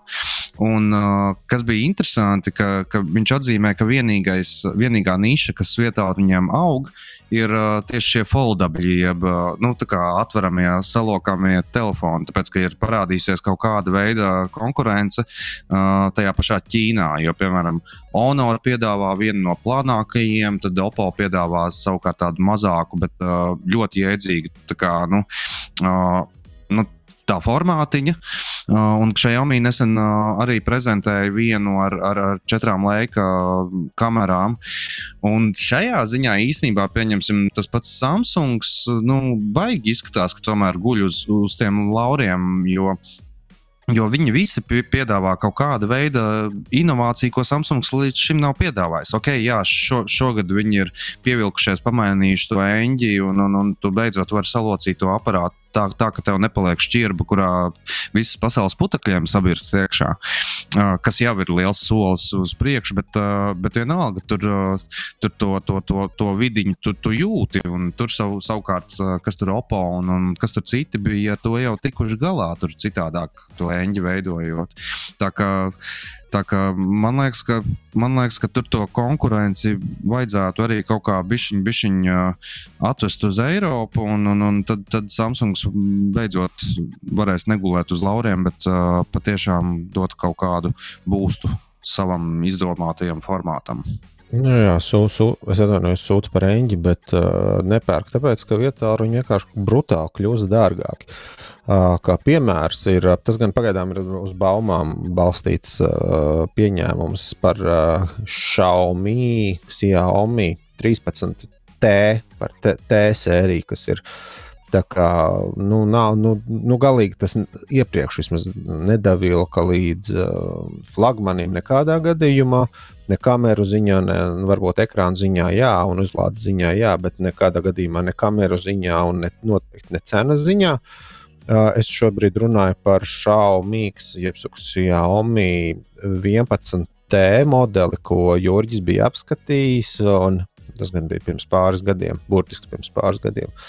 Un es arī pats sev iegādājos 11T modelīti. Tur bija arī 11T Pro, bet laikam tas Pro bija ar Es vairs neatceros, viņam bija drusku cits processors, laikam. Tur... Pro bija, jā, viņam bija flagmaņa processors, un tam parastajam tēmam, liekas, bija vidējās klases. Jā, bet nu, nu, kaut kāds uh, mediju tiek dimensity, ne, nezinu, kurš nav svarīgi. Bet tobrīd šis 11T modelis maksāja, manuprāt, zem 450 eiro. Arī pie operatoriem varēja dabūt un tā tālāk ar kaut kādu 120 Hz ekrānu, ar 5000 mAh akumulātoru, ar 67 W uzlādi. Manuprāt, bija 8 GB RAMs, un uh, man ir 256 GB atmiņa, un tas maksāja zem 450 eiro. Šobrīd uh, tātad 13 baumas norāda, ka 13T modelis, kas ir divus gadus jaunāks, maksās no 650 eiro. Tas ir uh, nu, varbūt neteiksim puse klāta, bet mat, nu, matemātiski tā nav puse, bet faktiski tur sanāk nu, vismaz puse klāta.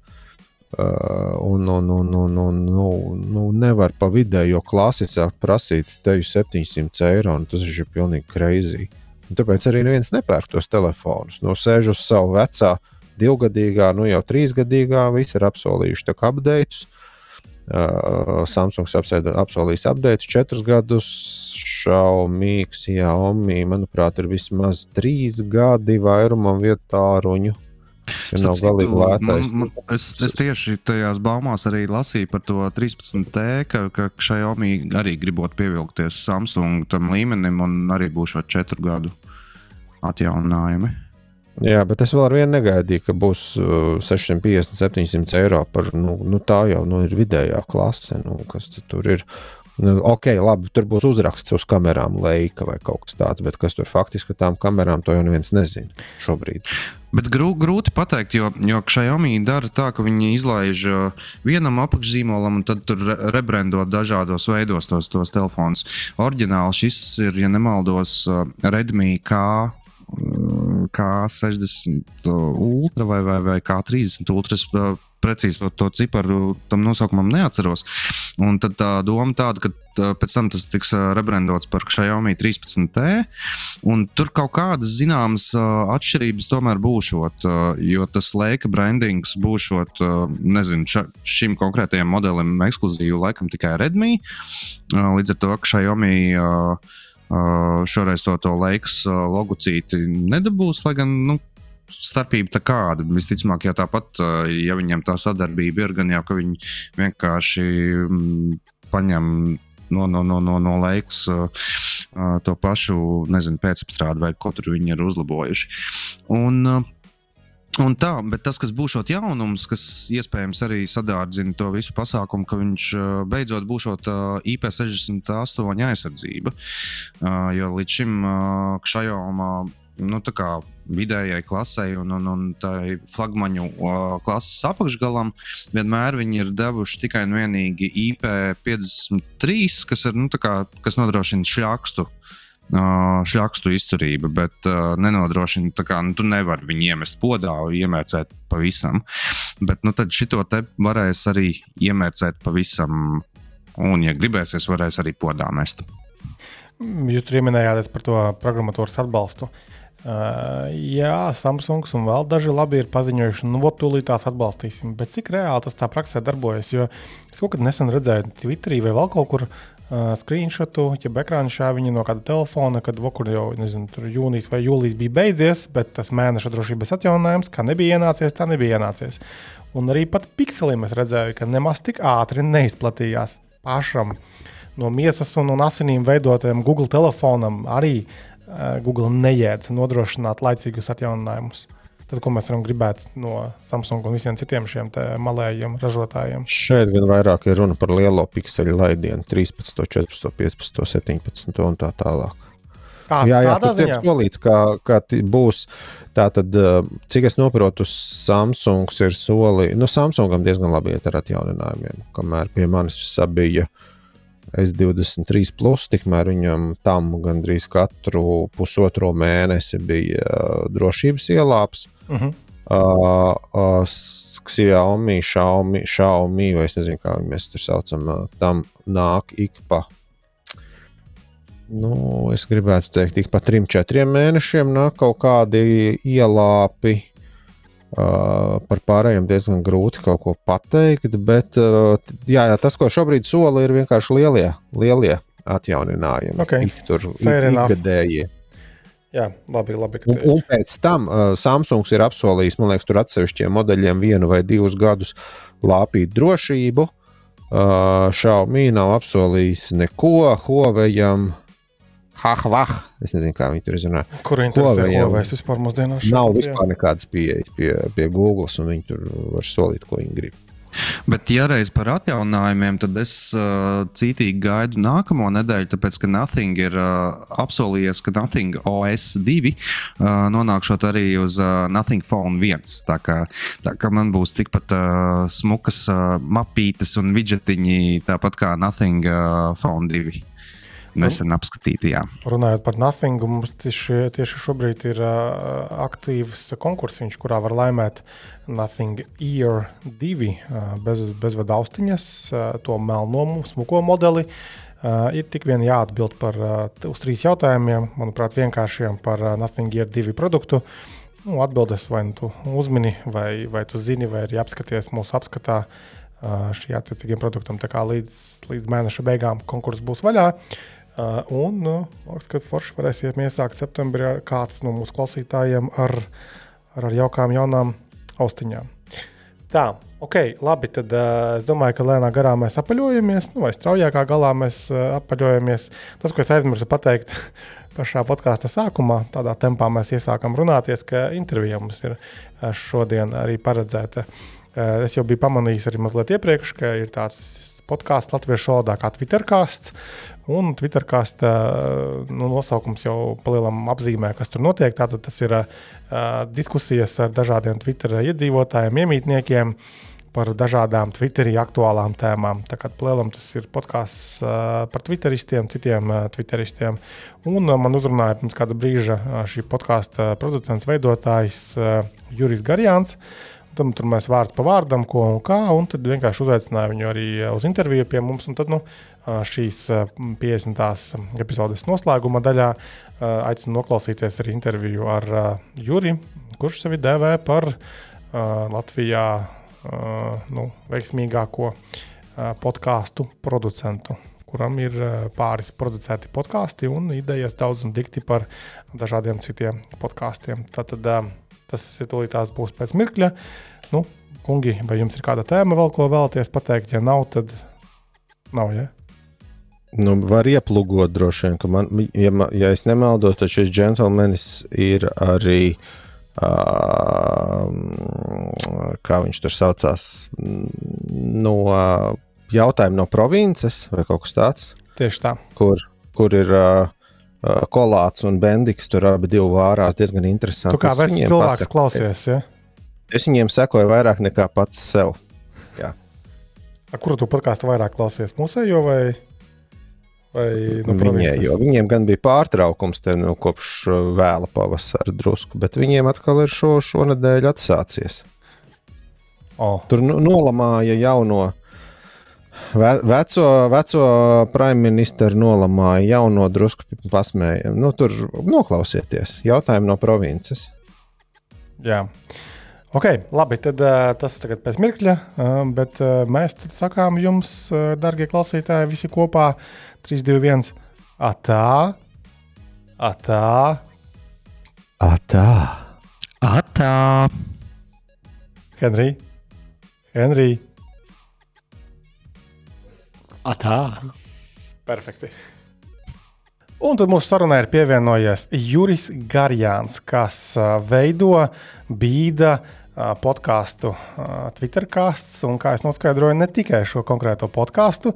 Vēl es biju googlējot šādu vārdu, uzvārdu, atradis kaut kādu ar robežu sardzi un kaut kādām tādām struktūrām interesantām saistītām. Attēls radinieks, tas ir attēls radinieks. Nopietni? Jā. Okay. Tas uzvārds ir pietiekami rets, lai, lai tie nebūtu radi. Mēs esam, bet tā tālu. nu, lūk, okay. Tad vispār, kā visu šo sarunu, tad es pieņemu, ka lielākā daļa no mūsu klausītājiem vēl līdz šim nemaz nav dzirdējuši ne tādu podkāstu. Labi, pēc nosaukuma gan jau var saprast, par ko tas podkāsts ir, ne arī par tevi. Visdrīzāk, diemžēl. Tāpēc iesāksim šo sarunu ar to, ka tu iepazīstināsi, kas vispār tu tāds esi, ar ko tu nodarbojies un kā tu nonāci līdz tādai idejai veidot nu, Twitter kāstu. Mm -hmm. Jā, paldies vispirms tev par um, ielūgumu piedalīties un ie, šo iespēju, ko tu esi iedevis man parunāt. Un, jā, man tiešām ir nu, tā reāli no, sil, no sirds žēl, ka mani vēl pamaz pazīst. Varbūt ne mani, bet šo jaunāko manu podkāstu, Twitter kāstu. Es ļoti gribu, lai to pazīst vairāk. Bet, ja par mani, tad es esmu uh, Juris Garjāns. Man ir 50 ar lielu asti gadi. Uh, Un eh, pēdējos četrus gadus es uh, to vien daru, kā taisa podkāsts. Es esmu tādas retas profesijas pārstāvs. Uh, mana profesija ir podkāstu producents, un es ar lepnumu to tagad, ceturtajā gadā, varu teikt, ka praktiski es tādu neko citu nedaru. Nu, tādā darba nozīmē. Tā tas arī tas galvenais varbūt par mani. Iespējams, ka es nezinu, varbūt ne gluži vienīgais, bet nu, viens no retiem Latvijā droši vien tāds esmu. Te, te es uzreiz atkal meklējot par tevi mazliet informāciju, atradu, ka LSM bija tāds raksts, saruna intervija 2021. gada nogalē, kurā tu minēji, ka tu plāno būt par slavenāko tātad, producentu, mm -hmm. nu, podkāstu producentu Latvijā. Vai, vai tagad, 23. gada, nu jau tuvojoties beigu daļai, tu vari sevi uzskatīt par slavenāko podkāstu producentu Latvijā? nu, veiksmi ir tāda, ka to podkāstu producentu nav baigi daudz. Nav grūti būt slavenākam, ja tu tur kaut kādā starp diviem, trīs džekiem, ja, kuri vispār ir slaveni. Bet, um, tas uh, vēl joprojām tas mērķis ir, uh, jo man vienmēr dzīvē paticis varbūt tā kā, būt tā kā drīzāk pirmajam čalim ciemā.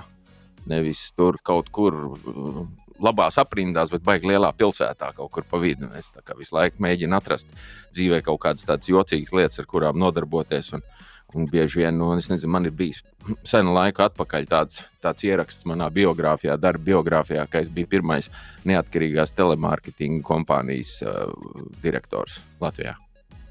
Kurā, ku, Tad, kur, kuri tele... gadi tie bija? Kuri gadi? Jā.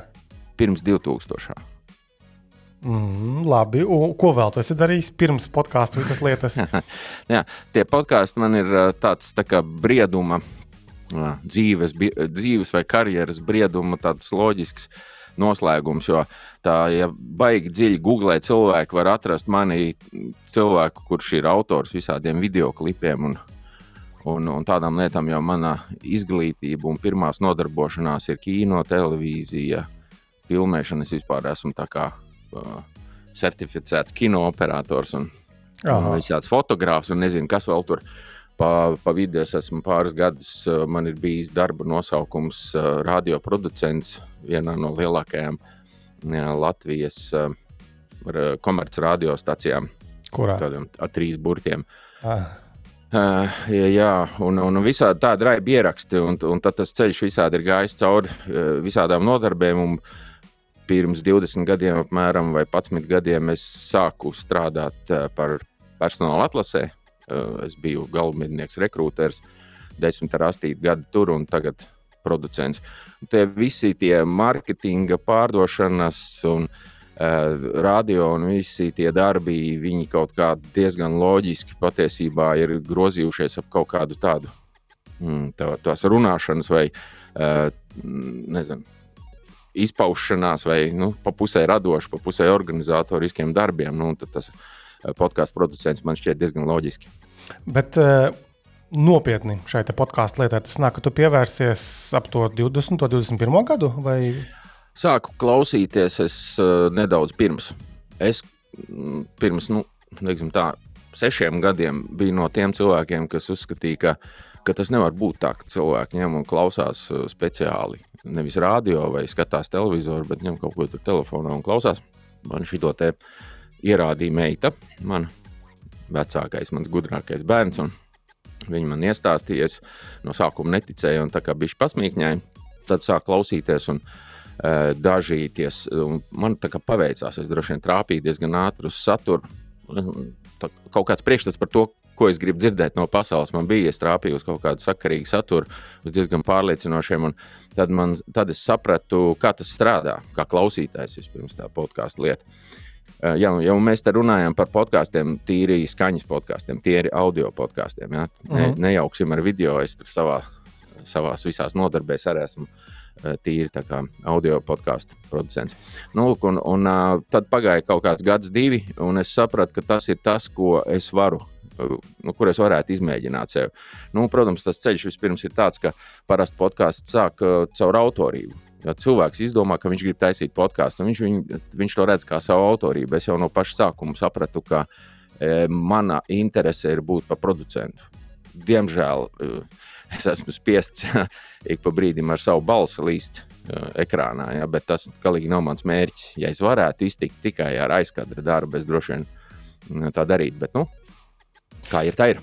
Bet tad tas sanāk, ka tu sanāk tajā podkāstu lietā ienāci tajā otrajā lielajā vilnī. Jo, jā, jā. jo, jo pirms ši, ap 20. gadiem tas pavisam noteikti nebija pats sākums nē. Tas līdzīgi. Lat, la, jā, jā, latviešiem jau bija, un es arī tur, tad, kad es sāku, es ar interesi skatījos. Tad, toreiz man liekas, kad es sāku, tur bija diezgan vien, bija, bija vienkārši skaidrs, ja, ka tas, kas ir latviešu, to var apskatīties tajā Delfu lapiņā, kas viņiem tur vēl joprojām, man liekas, ir. Es neesmu sen skatījies, bet Delfos it kā ir kaut kāda tāda podkāstu sadaļa. Tur mēģinājuši apkopot. Kaut, jā, kur tur viņi tur kaut ko pievieno, un tur galīgi nemaz nav viss, un, un varbūt nemaz ne, ne viss labākais, un tā visādi, bet nu, toreiz viņi tur bija, es tā pašķirstīju, un es sapratu, ka tukša vieta. Un es jau tad uh, pasaulē tas bija nezinu, miljonu biznesa, ja, un, un nezinu, simtiem miljonu varbūt jau klausītāji pirms tiem gadiem jau bija. Un es sapratu, ka tam Latvijā agrāk vai vēl ir jānotiek. Un labāk, jo es ātrāk sākšu, jo es sagaidīšu 23. gadu jā, labākā situācijā. Jo ātrāk sāksi, jo, jo vairāk tu būsi pirmais un ar lielāku pieredzi tu būsi pēc 3, 4 gadiem. Nu, tas tāds vienkārši patiesībā biznesa aprēķins bija sākt kaut ko darīt. Nu, tad, tad pamazām arī sāku. Jā. Okay, tas loģisks nākamais jautājums. Kur ir tie podkāsti, kurus tu esi producējis un nu, par kuriem tu vari publiski runāt un stāstīt un aicināt noklausīties? Bez Twitter kāsta, protams. Jā. Patiesībā es nekaunos uh, ne no viena, uh, un um, visi trīs mani lielie uh, vaļi, uz kuriem es šobrīd balstu, un kas ir mana, mana rūpja lokā un mana galvenā atbildība, tie ir jautājums no provinces. O, dzirdēts. Sa sabiedriski politiskais. Uh, Um, um, tas ir uh, pirms darba. Tas bija mans pirmais podkāsts, kuru, ar kuru es sāku. Nu, ja neskaita manu pašu individuālo vienu mēģinājumu, kurš šobrīd ir tādā iekonservētā stāvoklī. Tad pirms darba tas ir, uh, tas ir seks tam manam darbam personāla atlases nozarē, Tas ir tas, tas ir tas bizness, kuru es zināju un pazinu. Un tāpēc bija loģiski, tad, kad es beidzu darboties ar personāla atlasi, tad eh, nu, bija loģiski, ka varētu būt šis tas, šī tā niša, kurā iet iekšā. Tas podkāsts šobrīd ir tādā pārbūvēšanas stadijā, bet viņš nav izbeidzies un noteikti atsāksies. Un tagad ir Twitter kāsts. Vienam cilvēkam producēt tā, kā es producēju podkāstus, trīs jau ir pietiekami. Uh, un vēl ir daži, uh, pa kuriem es varbūt negribu saukt, jo tie nav mani producētie, bet uh, ir daži podkāsti, kurus es tehniski ierakstu, montēju, palīdzu sagatavot uh, publicēšanai un tam līdzīgi. Tāpēc, ka man ir studija un, un es apmēram stādos priekšā, kā te vajag kaut ko tur uzorganizēt, palīdz cilvēkiem tīri no tās tehniskās puses. Tādi vairāk. Tādi ir daži bijuši un izbijuši, un beigušies, un daži vēl joprojām iet, un rīt būs sarunas par nākamajiem. Vēl vienu, kurš varbūt sāksies, ja tādi ir vairāk. Labi, bet uh, okay, tad, tagad tu pateici, ja, ka tu tehniski vari palīdzēt, norganizēt, un um, tiem pirmajiem tevis pieminētajiem, pilnībā producētiem, tātad tu arī saturiski plāno visu un domā. Kas ir tās lietas, piemēram, cilvēkam liekas, vai uzņēmumam liekas, ka viņiem ot, ot, gribās ot, to podkāstu. Ko tieši tu viņiem vari palīdzēt izdarīt? Kas ir tie darbi, tie, tie, tie pienākumi, tā atbildība, ko tu varētu uzņemties šajā gadījumā? Nu, patiesībā man šķiet, šajā brīdī es te var, varbūt izklausīšos tā drusku snobiski, bet man šķiet, ka vislielākā palīdzība ir nepieciešama cilvēkam, lai saprastu, kāpēc viņš to, kāpēc to podkāstu taisās darīt, kāds ir mērķis, sakārtot to domu, uzdo, izdomāt viņu tādā praktiskā nozīmē, kas tas būs, kas tur nāks, kas tur runās, kā tas izklausīsies, kam, kam tas ir plānots, domāts un tam līdzīgi. Tā man šķiet ir pati grūtākā lieta, jo uzsākt podkāstu mūsdienās tīri tehniski nav nekādas problēmas. Jā, tas čik, čik un gatavs, un pēc tam pēc trešās reizes tu sāc domāt, un tālāk, kas tagad, jā, ko tagad darīt. Jā. Nu, tad, tad tā, tā pirmā tā. Mm, tā var būt tā uh, domāšana, vai es esmu droši vien diezgan daudzus atturējis sākt podkāstu. Patiesībā atnāk pie manis cilvēku un parunāties, kā tas būtu jādara. Un tad, kad es sāku kaut kā stāstīt un gribu viņam palīdzēt visādiem padomiem, tad cilvēks saprot, ah, šī to nemaz nevajag. Izklausās beigas sarežģīti. Ja. Jo tur pašam viss, kas jādara, un tur ir disciplīna. Katru nedēļu kaut kas, kaut kur jāiet, kaut kas jāorganizē, un tur jāizdomā desmit soļus priekšā. Ai, man šī to nevajag. Bet es, starp citu, par šo te um, uzreiz varu ieteikt, noklausīties. Tas nav tā atsevišķi kaut kāds tāds podkāsts, kas turpinās, bet es vispār esmu ierakstījis vienu tādu sešu epizodu uh, podkāstu, atsevišķu seriālu, sešas epizodes, kurš stāv nolikts. Uh, pirms pāris gadiem ierakstīja, saucās podkāstu producenta podkāsts. Tāds ir viņš saucās, okay. ja viņi iegūlē, viņi var atrast. Tas ir manis ierunāts tieši par to, kā eh, kas ir svarīgi, kad tu izdomā podkāstu, kad tu gribi sākt taisīt podkāstu. Par ko ir jādomā, kam, kam jābūt gatavam, kā tas vispār notiek, par ko, kāpēc, kāda tehnika, kāpēc nevajag ierakstīt uh, kaut kādos angāros skaņu, sākot ar nu, kaut kādām praktiskām lietām, beidzot ar, ar varbūt filozofiju, kāpēc latviešiem nav gaču podkāstu. Mm. Nu, tā. Okay, es arī pilnībā piekrītu, ka ir jāsāk ar to vispār to ideju, to, to, to saturisko pusi un uh, neatlaidību turpināt. Jo skaidrs, ka ierakstīt vienu mūsdienās tas nav nekas baigi sarežģīts. Tu saņemies, izdarīji un, un miers. Bet uzturēt, teiksim, nu, konsistenci un, un regularitāti, tas ir reāli grūtākais. To es redzu blogošanas aktivitātēs, savās vairāk nekā desmit gadu ilgajās. Un tagad arī jau 50. epizode šovakar būs ierakstīta arī mūsu pašu podkāstam, ko kursos to neraksta. Labi, viena puse tā kā tāda satura puse, bet uh, tehniskā. Mm -hmm. Mūsdienās, kā, kam, kādam ir jābūt tam minimumam, uh, to, to, to, to, to, to gadgetu, ja, to, to mikrofonu, pultis, kas tik vēl tur nē, lai būtu tāds nu, good enough uh, skanējums. Jo skanējumam ir nozīme tomēr skanējumam ir ļoti liela nozīme. Un uh, podkāsti, kuri slikti skan, tie tehniski viņu var kādu noklausīties, bet, ja viņš trešo vai ceturto reizi skan, tad tas ir, ir moks, parasti cilvēku nolec. Man ir, piemēram, satura ziņā ir viens tāds interesants, uh, varbūt ka kaut kas ir mainījies, bet uh, ir, ir tāds QLET, tāds žurnāls, intelektuāls. Tāds, nu, it kā konservatīvs, bet nu, reāli vienkārši interes, interesants saturs. Viņiem ārkārtīgi interesants rakstu, uh, rakstu sadaļa, ārkārtīgi interesanti materiāli, ļoti spēcīgi. Uh, cilvēki tur ir iekšā ļoti labs, un viņiem ir podkāsts, bet ierakstīts kā kaut kādā, es nezinu, attējā tiešām. Nav iespējams klausīties. Nu, to, to, to vienkārši nav, nevar izturēt. Ja, bet par to, kas cilvēkam ir nepieciešams, kāds komplekts, tas ir zini, pārdošanas sarunās. Ja. Un, cik jums maksā ābola? Bet kāda ir ābola? Kurā vietā ar pieviešanu tonu ābolu vai kilogramu ābolu? Tas viss ir uzreiz desmit jautājumu pretī. Jo eh, tāds podkāsts eh, Latvijā patiesībā ir ļoti maz podkāstu, kur viens pats cilvēks ar sevi runā. To narratīvu tādu ir ļoti grūti uztaisīt. Tur vajag talantu, spējas un vispār. Un es godīgi sakot, manuprāt, uzreiz pat nevienu nezinu. Nu, ne, nevar iedomāties, varbūt es dzirdēju, bet drīzāk ne. Pārsvarā tās ir sarunu, tie sarunu podkāsti. Un tad tur ir tā, ka tu ierīko pie sevis tādu pseido studiju, nopērci sev kaut kādu mikrofonu, jeb kādu mikrofonu, jeb kādas austiņas, ja tur varbūt kaut kādu skaņas kartiņu, un tu vari ierakstīt to skaņu. Tas otrs cilvēks parasti ir internetā, viņš ir zūmu skaņā, un, un vienalga tas ir diezgan briesmīgi. Ja? Un tur uzreiz sākās tas jautājums, tad tu būvē studiju. Tad divi posteņi, divi, divi mikrofoni, vismaz kaut kādā ierakstu iekārta katram austiņas, un, un tad tur jau sākās viss no tās vietas, sāk notikt. Par to viss arī manā tajā, manas jau pieminētajā podkāstu producentu podkāstā arī ir. Bet nu, mūsdienās tas solis ir kaut kāds tāds, ka, nu, godīgi sakot, es iztēlojos, nu, kārta pat tūkstoti eiro uh, tu vari sapirkt tos dzelžus tādus. Nu, jau teiksim, pieklājīgs. Ilgam laikam pietiks. Diviem, ja? divu personu. Diviem, teiksim, nu jā, tādu mazo mājas studiju ierīkot.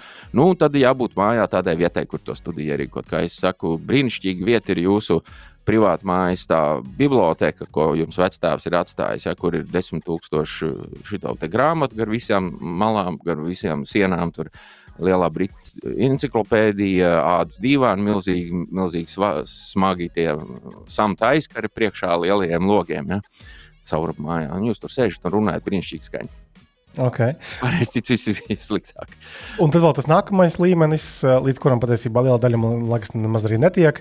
Tā visa pēcapstrāde, ja tur visādi jingliņi, un laikam patiesībā gan jāiepūgā gan jau arī uzreiz, bet gan jau arī var arī pēc tam tajā editingā. Mm. Cik liela nozīme tā, tā lietai ir?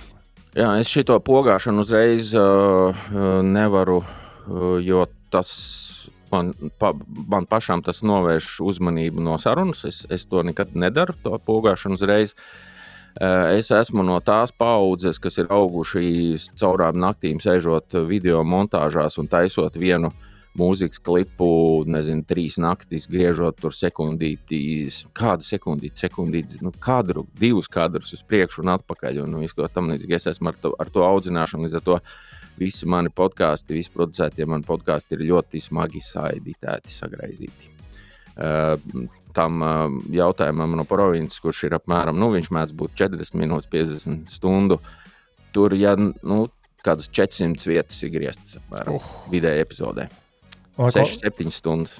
Atkal mūsu, pie, un, mūsu pieeja ir tāda, ka mēs mēģinām pēc iespējas negraizīt neko. Tāpēc, mm. ka atkal nu, piķē šajā visā pasākumā nav, ir tikai darbs un, un, un sviedri un vispārējais. Un man ir jāmēģina, kā podkāstu veidotājiem, atrast veidu, kā es varu dabūt laukā katru svētdienu jaunu epizodi un nesačakarēties, iesprūst ar 400 editiem katrā epizodē. Tas ir tāds līdzsvars vienmēr jāatrod. Jā, jā, nu, jā bet nu, ja es esmu pasludinājis, ka man tas ir pamatdarbs un tas ir mans nu, galvenais darbs, un jāsaka tā, ka viens no maniem produktiem, tā jautājums no provinces, tur. Tu saki, piķi nav, bet man, es jau esmu tajā vietā, kur nu, kā lai saka, piķis ir, man par to maksā par to darbu. Ja? Es, okay. Mēs esam varējuši izdarīt, izdarīt tā, ka es par to darbu saņemu naudu. Un, un līdz ar to es uzskatu par savu kā, cieņu. Un, nu, nu, man tāda tā kultūra ir uztaisīta. Es varu tātad, ar to graizīšanu uzlabot. Ja es zinu, ka es varu uzlabot, ka es to protu, ja, tad, nu, tad es ņemu un uzlaboju. Un es uztaisu vēl par 10-20% to foršāku un varbūt vieglāk, ātrāk noklausām. Kaut arī visas tās 40 minūtes vienalga ir šausmīgi gari. To noklausās tikai tie, kuriem tiešām patīk. Tā kā, jā, tā manā gadījumā ar maniem podkāstiem, kurus es producēju, tā ir montāža, bet tas nav obligāti jādara. Tas uh, lielākā daļa no tiem podkāstiem, kurus mēs dzirdam pasaulē, visslavenākos, visādus tos hubermaņus un, un roganus un vispār viņus tur neviens nemontē. Tā arī iet, kā iet, tā iet. Jā, tā kā. Mums garākā podkāstu epizode ir 3 stundas un 3 minūtes. Forši. Nu, un, un 1169 cilvēki vismaz Spotify ir noklausījušies. Plus vēl, nu, vēl ka tur saturs ir karalis. Ja, tur acīm redzot, bija cilvēks. Jā, tur bija, tur bija intervijā kaut, kaut, kaut kas mums tur tajā reizē. Jā. Mm, jā. Ok, labi. Cik sen tu esi Twitterī? Sauksim viņu par Twitter, nevis X. Ja? Mm, nu, mēs esam pie Twitter. Protams, es nezinu, vai es kaut kad pāriešu, varēšu pāriet uz to. Tāpat tās kā pamperis mēs saucam par pamperiem, bet mm, un Twitter mēs droši vien pa Twitter arī sauksim. Uh, Twitterī es esmu, vai tā man jāskatās. Uh, droši vien ar savu pirmo profilu, nu, kaut kādu desmit gadu, cik 13, 14 gads kaut, kas, kaut kā tam līdzīga. Ja, bet, uh, Bet tā reāli Twitterā, Twitteri kā instrumentu vai aktīvi ikdienā un saprotu, ko ar to darīt, jo šiem gadī 6, 7, 8, nu, drīzāk 7. Nu, labi, laiciņa, respektīvi. Jā, kādu laiku. Kas tev patīk Twitterī? Un, nu, kāpēc tu tur esi vispār? Es pirms mēs šodien sākām runāt, tad rakstīju uz lapiņām, un mēģināju noformulēt, bet man īsa skaidrojuma nav. Tas uh, droši vien man tas vairs nav gluži tā, ka patikšanas jautājums. Es nu pat es esmu tajā uh, stadijā, ka man ir nezinu, pieci konti katram podkāstam pa kontam. Tur vēl tur savs atklātais un savs slepenais, lai, lai man nenobloķē, un es varu redzēt, tomēr, kas notiek. Līdz ar to man tas jau ir darbs. Es, uh, to neuztveru kā, kā patikšanu. Ja, man uh, tīri tas vairs, tas vairs nav personīgi. un, uh, es domāju, ka Twitterī. Uh, Nu, pat tā Twitter lieta pati par sevi ir acīm redzot pierādījums tam, ka mm, citreiz ideja kas ir varbūt ārkārtīgi vienkārša. Ideja ir tāda pati kā kaut kādos 90. gados internetu fórums. Nu, cilvēki raksta par visādām lietām un komentē apakšā. Bet tas izpildījums un tas, kas, kā tas viss izveidojās, acīm redzot, bieži vien tā tehnoloģija padara kaut ko par, par fenomenu.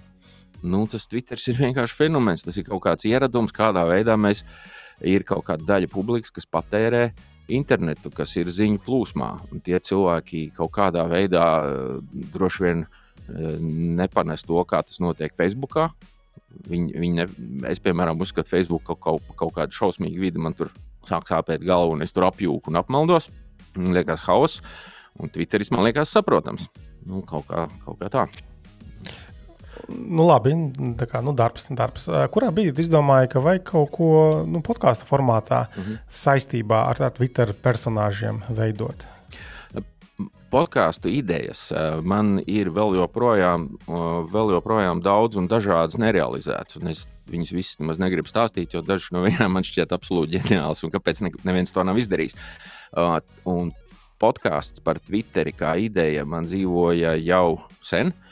Bet uh, man tās podkāstu idejas rodas nevis no, nu, it kā varbūt kaut kāda, zināmā nozīmē, no otra gala, kaut kādā ziņā, no otra gala. Uh, es uh, citreiz esmu speciāli sēdējis un domājis, par ko varētu būt podkāsts, kurš cilvēkiem ir interesants. Jo es sāku no, otra, no, no, otra, no otras puses, ko cilvēki gribētu dzirdēt, par ko viņi grib klausīties. Ja? Nevis tā, ka man gribētos uztaisīt uh, podkāstu par, nezinu, par, nu, piemēram, par divriteņiem. Ja? Uh, Tur var būt ko runāt, bet man uzreiz būtu jautājums, jā, nu tad vat, tie divriteņnieki, man uzreiz jādomā par to, vai tie divriteņu braucēji, jā, vai velospēdisti ir tie, kurus, kuriem man ir ko teikt. Es uzreiz domāju par klausītāju. Un, tādā veidā man tā Twitter podkāstu ideja jau bija sen, jo pilnīgi skaidrs, ka Twitter publika ir kaut kāda atsevišķa, ne nevis demogrāfija, bet kaut kāda, atse... tas ir liels burbulis, konkrēts burbulis. Viņi visi kaut kādā vienā formātā saņem informāciju, viņi visi ir kaut kādā vietā saprotami. Uz, viņiem ir uzreiz kanāls, pa kuru tu viņiem arī to podkāstu parādīt. Ja, tad, tad tas pats Twitter. Un, tā mana ideja bija, ka tiem cilvēkiem vajadzētu būt interesanti vēl kaut kas vairāk, nevis vienkārši ierakstīt vai izlasīt Twitterī. Ja viņš tas cilvēks burtiski stundas reāli dienā stundas pavada tur ik pa brīdim, kaut vai paskatoties un kaut ko paskrolējot. Man tā ideja bija tāda, ka varēja, vajag būt kaut kādam veidam, kā viņš šo pašu informāciju, vai nevis šo pašu informāciju, bet par to vai saistībā ar to dabūnu no podkāstu. Mērķa auditorija šajā gadījumā ir citi Twitter lietotāji. Jā, jā, jā, tikai un vienīgi. Es ar nodomu pozicionēju un taisu to podkāstu tādu, kā cilvēkiem, nemaz nerēķinoties ar cilvēkiem, kuri nav Twitterī. Un, protams, Latviešu Twitter tikai. Ja? Tas nu, ir jā, loģiski. Bet, um, un, un tad šajās epizodēs tad, um, tu ko pa, pacēl un, un, un, un, un, un iztirzā šos Twitteristus runātājus vai kaut kādus konkrētus notikumus? Mm. Kāda ir tā tava pieeja? Tur atkal ir varbūt kaut kāds tāds tehnoloģija, tāda drīzāk biznesa tehnoloģija, sauksim tā. Uh, skaidrs, ka uh, tam, tas podkāsts man atrodas šobrīd, es esmu uzskatu, ka es esmu nokļuvusi otrā, otrajā saturiskās vai formāta attīstības stadijā. Pirmā stadija bija tāda, ka bija vienkārši tā vieta jāizņem un kaut kas jāsāk darīt. Vienkāršākais ir tas, atrast uh, Twitter cilvēku uh, un uh, pirmais līmenis parunāt par to, ko viņš ir ierakstījis Twitterī. Ja?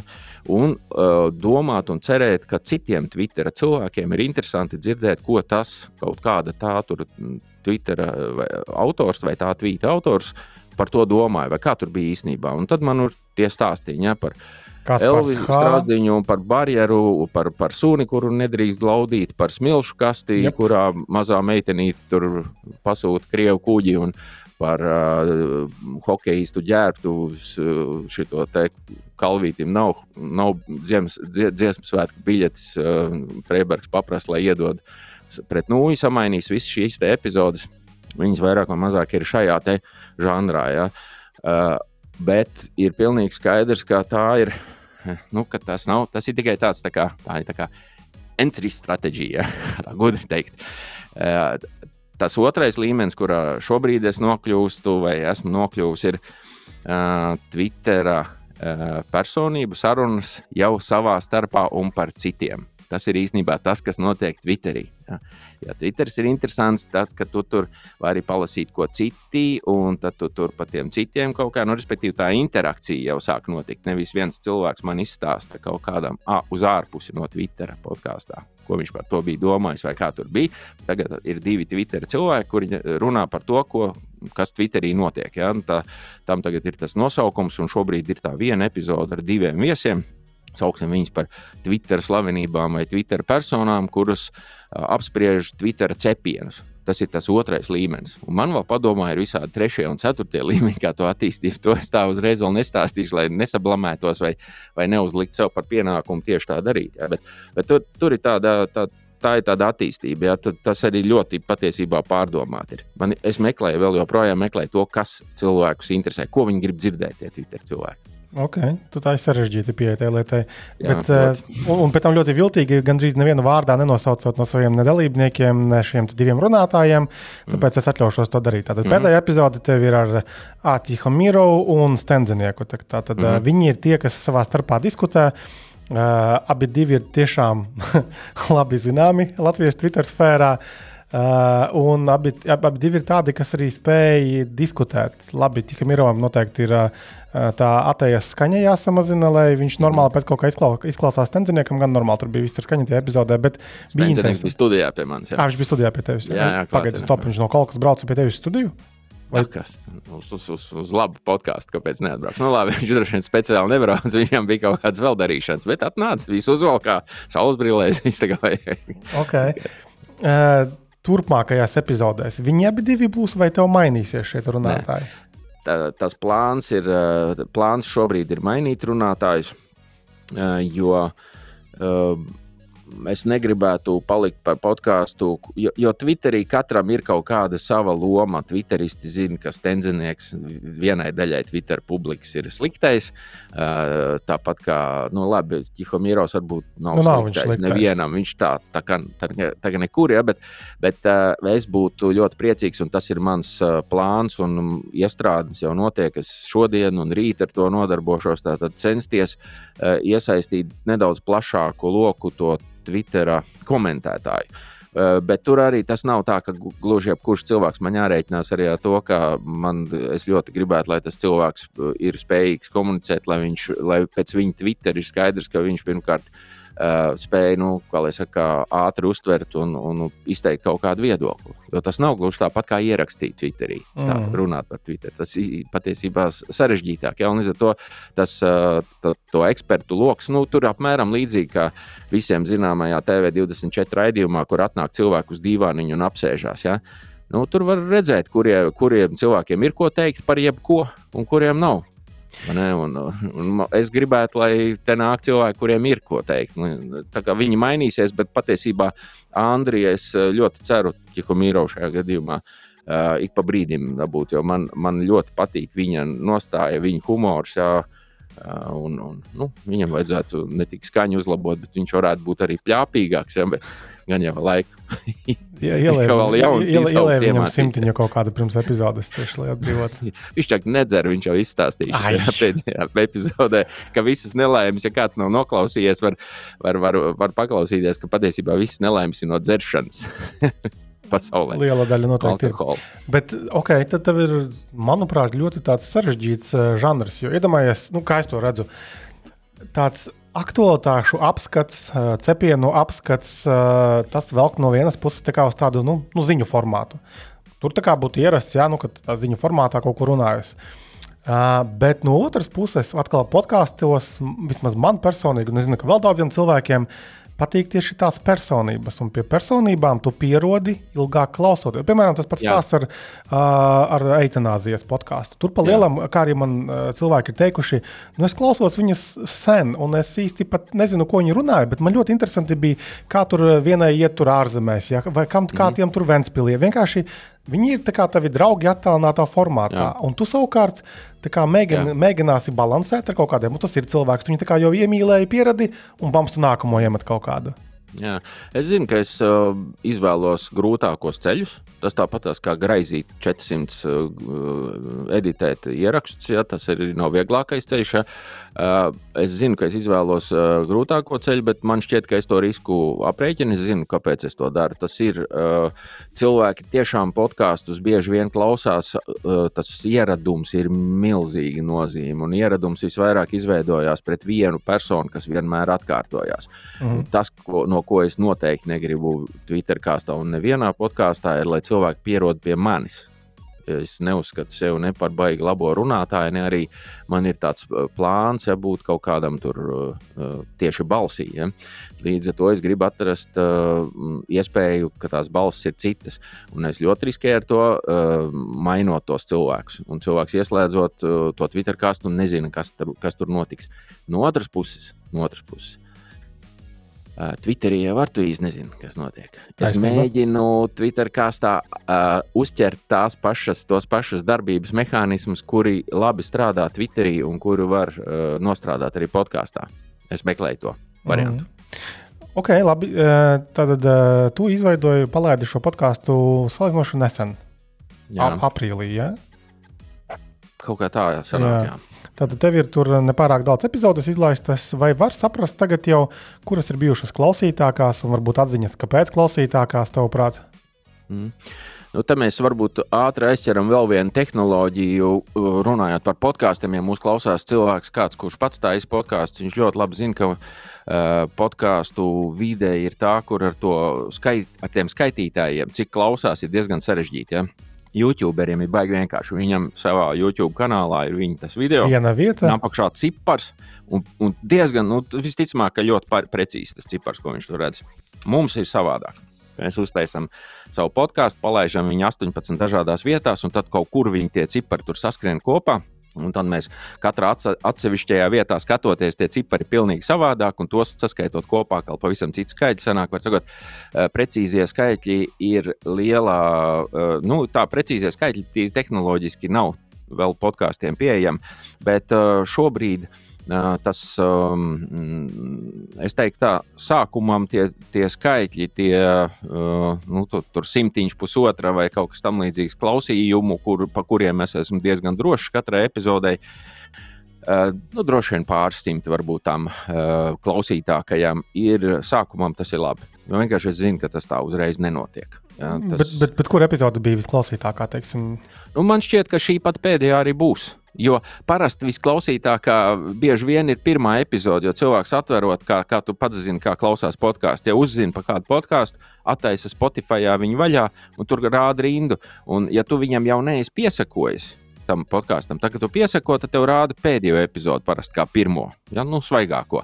Bet, ja tu vienkārši kaut ko iegūlē, tad tu ieraugi pirmo epizodi un tu spiedi un viņi klausies, kāda ir tava pirmā epizode. Tāpēc cilvēkiem, kuriem taisa podkāsts, vajag kārtīgi rūpīgi padomāt, ja, kāda ir viņa pirmā epizode un iespējams, ka viņu vajag izdzēst ja, pēc tam, pēc kāda laika, lai nejauc galvas. Bet, bet uh, šī pēdējā noteikti, es, es ceru, viņa arī būs visklausītākā. Jo, nu, nu, tas ir loģiski. Ja, ja, tu, ja tev tur ir cilvēki, kuriem ir vairāk to Twitter sekotāju un klausītāju, jo, jo loģiskāk, ka lielāks skaits cilvēku ieinteresējās, jo viņi zina to personāžu, kas tur runā, viņi, viņi arī paklausās dēļ viņa, nevis dēļ paša podkāstu. Ja, tā, tas, es domāju, ka, ir, ka tā noteikti būs pēc brīža tā pēdējā šobrīd svaigākā epizode.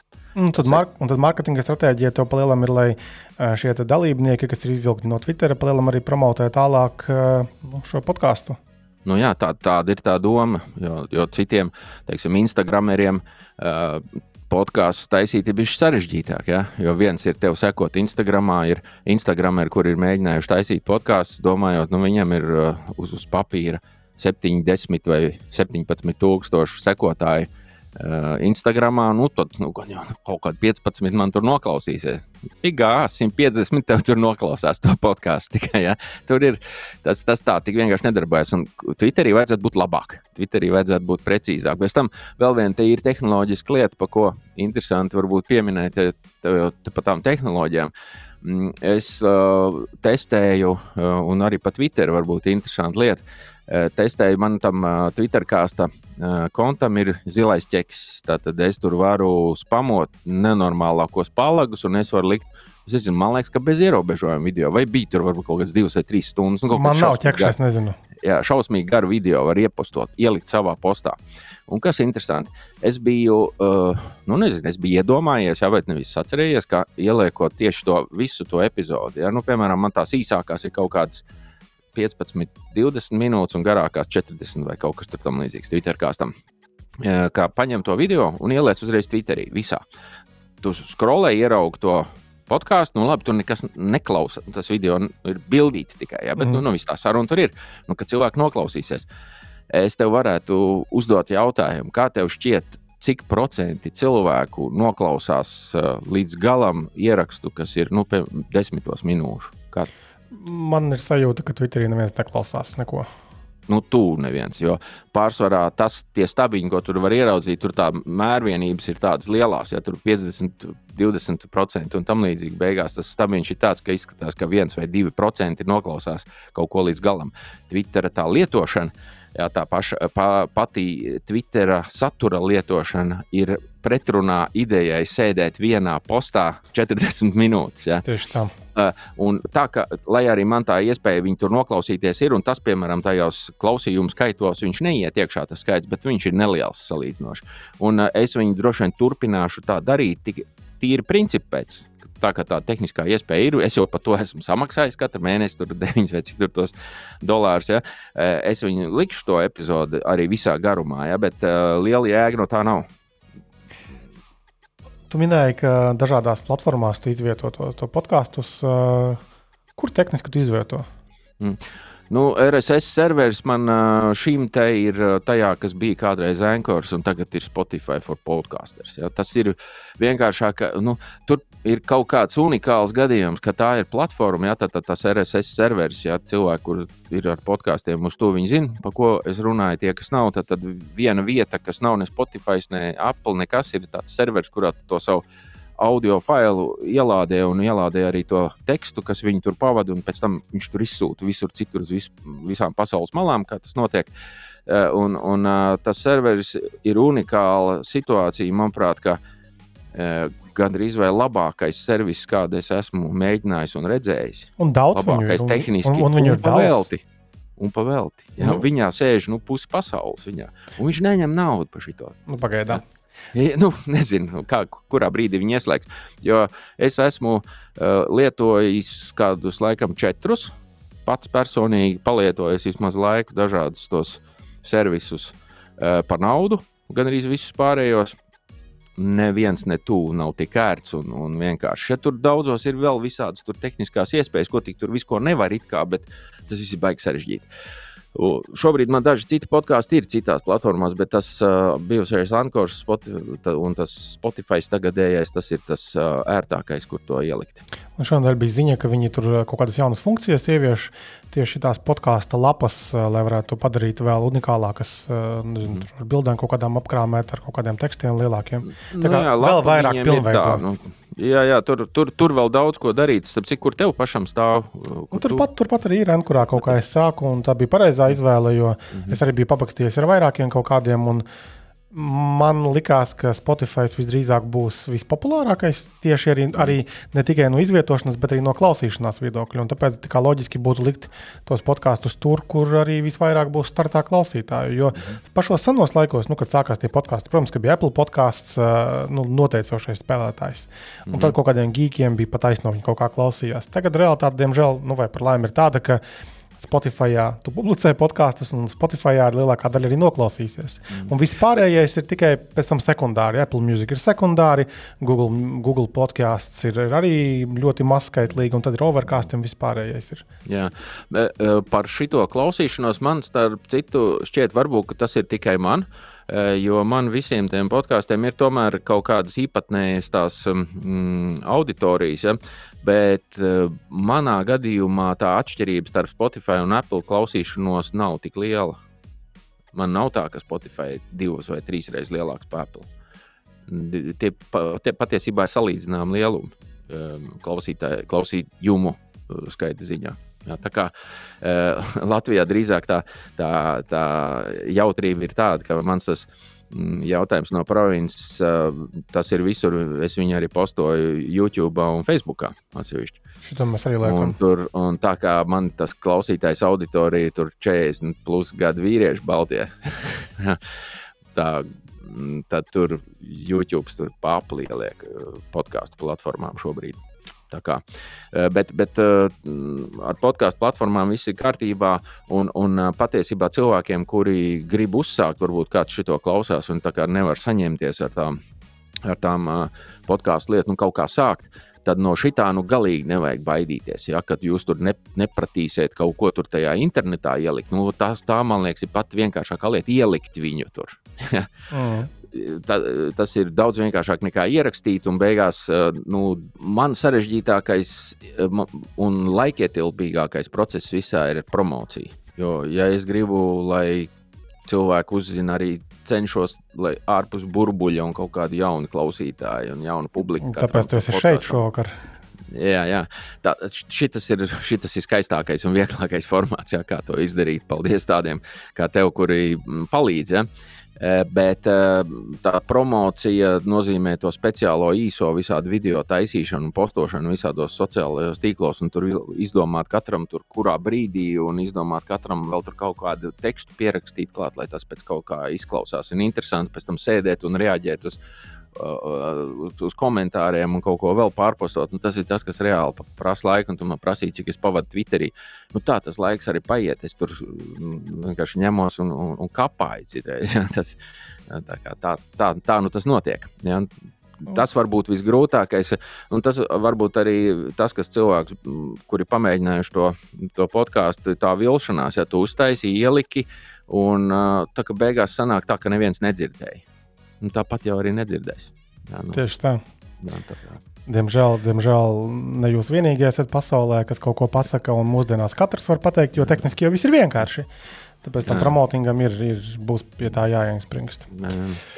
Labi, um, kā tu vērtē um, visu to, to, to, tos notikumus, kas ar Twitteri notiek, uh, kopš viņa Ilons Masks pārņēma?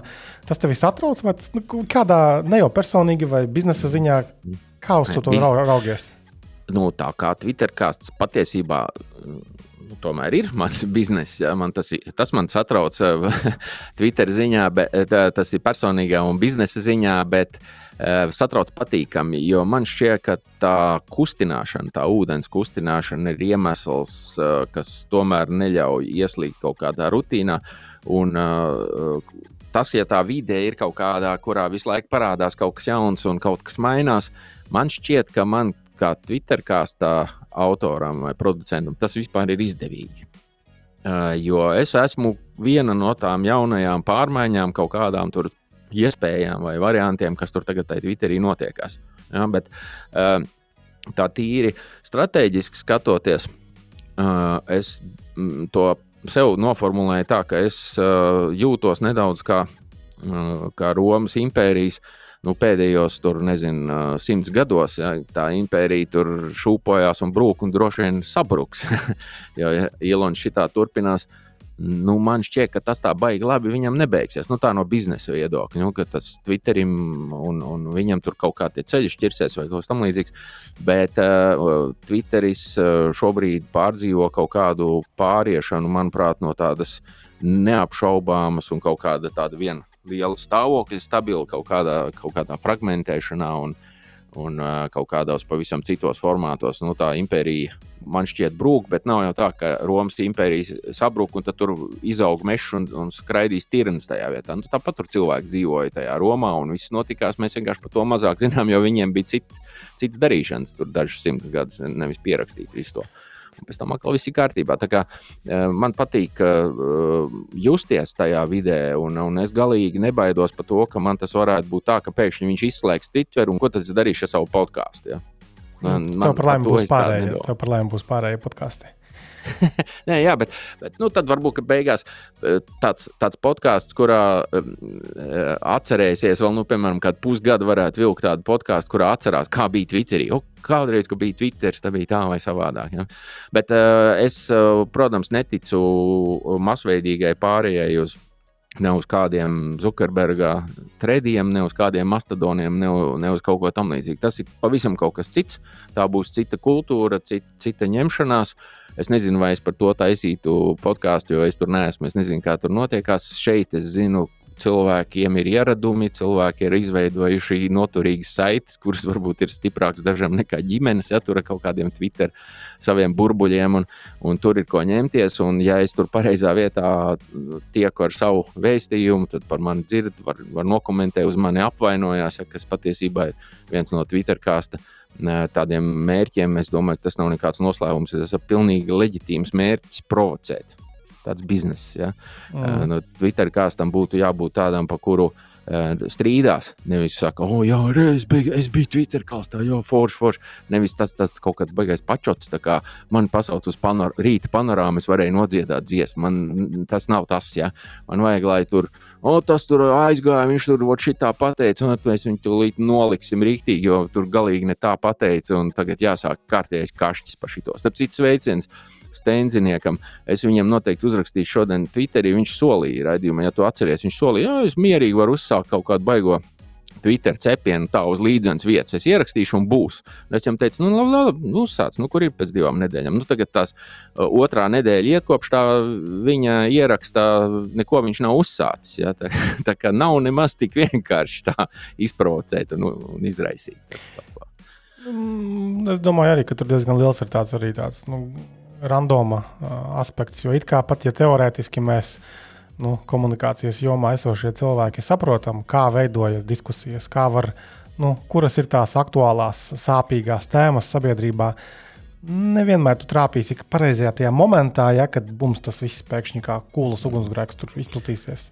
Nu, tas tavs piemērs. Uh, es domāju, ka cilvēkiem, kuri, kurus maz interesē uh, kuri saprot, ka viņi par tām tavām tehnoloģijām galīgi neko negrib. Kā viņi tev zina, no kā? No cepieniem visādiem. Nē, par taviem bērniem, par to nedēļu, kad viņam tur kaut kādas ah. olas piededzināja. Tur nemet roku, tā ir. Tā tas notiek. Twitterī cilvēki dzīvo viens par otru tādās visādās tēlos un iedomās. Un tas ir šausmīgi interesanti ar visu to ņemties. Un tas, kas patiesībā vienīgais traucē, ir tā nenormālā latviešu kautrība. Tur ir, ir objektīvs izskaidrojums, kāpēc cilvēks nu, baidās ar, ar savā balsī pateikt to pašu, ko viņš ierakstīja Twitterī. Jo savā balsī tas ir personīgi. Ja Twitterī tu vari ierakstīt un teikt, ka kaut kas tur izrauts no konteksta, kaut ko tur sadzēros. Nu, es tā tikai ierakstīju pa jokam, es jau to nopietni. Tikko cilvēks pasakā balsī, patiesībā tu nevari teikt, nu, ko, tu, tu, ko tu sadzēries, tur bija tur pļurkstēji. Tur, nu, tu, tu pateici ne? Tu taču pats pateici, viss, jā, un cilvēki to jūt. Bet uh, patiesībā tas eh, nav varbūt tādas apzinātas bailes no atbildības kaut kāda sajūta, bet tas, ka tā latviešu tā pieticība un tā kautrība un introvertums. Tā, tie daudzi Twitterā ugunīgie personāļi ir šausmīgi kautrīgi cilvēki reālajā dzīvē. Viņam, eh, es, man, es, ja tu zinātu, cik daudz es esmu saņēmis atteikumus no cilvēkiem, kuri liekas, ka tur akmens uz akmens nepaliks, ka viņi, ot, viņi tur pateiks par visu, ko viņi domā. Uh, nē, nu man tur mamma neļauj, jā, man tur uzzinās, un tā. Un es saku, es varu uztaisīt tā, pilnīgi anonīmi. Es varu ierakstīt interviju, es pat es nezināšu, ko es runāju.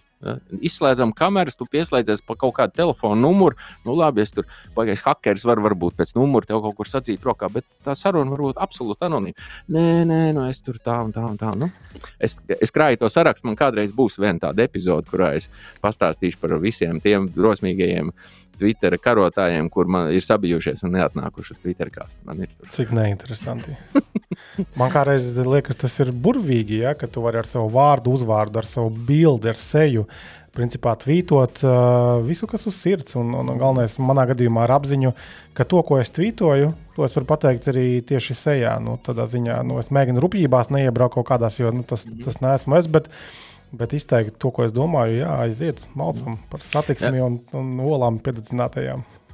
Jā, bet man tas uh, liekas, tā otra, otra daļa, to, tā Twitter stāsta, ka tur tomēr tu vari būt pietiekami ietekmīgs uh, ar savu viedokli un tomēr anonīms. Bieži vien tiešām anonīms. Un daudz, aiz daudziem tiem kontiem cilvēki patiesībā zina, kas tur ir, ja, bet, bet aiz, aiz daudziem tomēr nezina. Un, Un, lai kā tas būtu, tur ir savs pamatojums, kāpēc tie cilvēki tā dara, un tas ir interesanti. Es domāju, ka tad, kad es nu, pārsitīšu tos stikla griestus, un kad ma, es, es pārlauzīšu to atturīgumu un dabūšu iekšā Twitter kāstā arī tos lielos slavenos anonīmos kontus. Kur, kuri kā piemērs?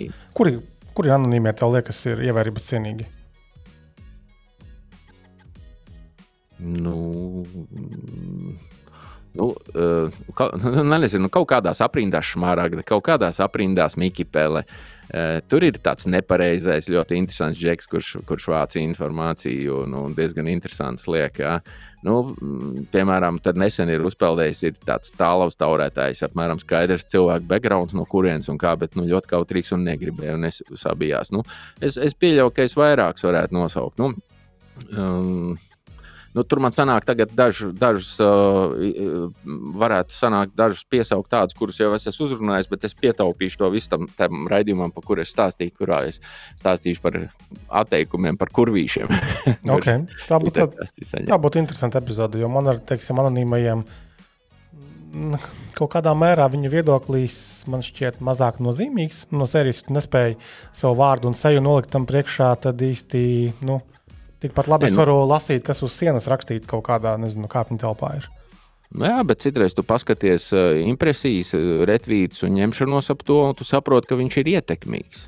Ka viņš ietekmē to. Tas ir nu, galvenais jautājums izvēlēties katram. Nu, Galvenais, ka izvēles iespējas ir. Jā. Ir taču valstis pasaulē vai, vai reģioni, kur ir mazāk izvēles iespējas nekā mums šeit. Latvijā jā, nu, to, pal, paldies partijai un, un, un, un, un valdībai par šo te, ka mums tā ir. Jā. Jā. Ok, labi, tad man liekas, esam forši parunājuši. Tā tad ir skaidrs, ka. Ka tu darbojies ar tiem podkāstiem. Ja, ka Twitter kāsts ir viens no taviem podkāstiem, ne pirmais, ne pēdējais.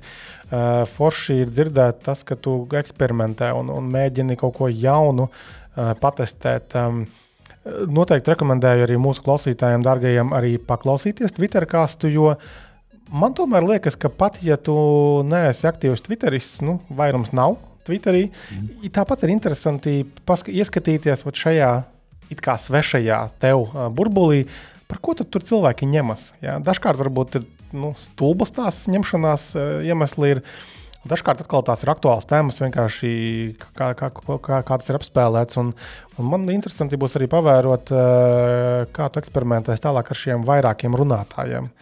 Mm -hmm. Nevis, nevis, ka tu intervē, intervē kādu, kas ir arī normāls formāts. Es, es vispār gribētu, ka tu miksētu, ka būtu tādas, ka tu vairāk Tā. one on one runājies ar cilvēkiem, un tad ir kaut kādi nu, piesaistītie no malas, kas tad iztirzā kaut kādas aktualitātes.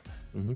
Jā, ja tu man to vienu minūti vēl atļauj, tad noteikti es uh, pastāstīšu, vēl, tad es pateikšu, ka noteikti uh, būs tās intervijas ar, ar kādu interesantu, vienkārši interesantu Twitteristu par viņa nu, interesanto postu vai to situāciju, jo tas pats par sevi ir pietiekami, man tas pašam ir interesanti.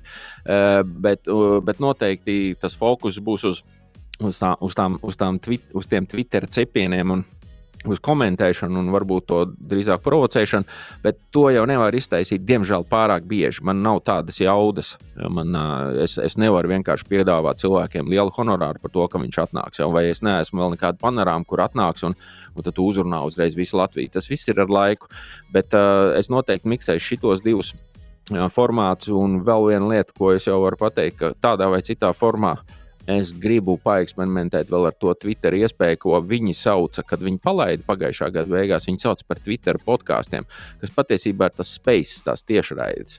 Tajā tiešraidē vispār tu arī vari nospēlēt ierakstu. Ja? Nu, tu pieslēdzies, tu vari nospēlēt galu galā ierakstu, cik noklausās.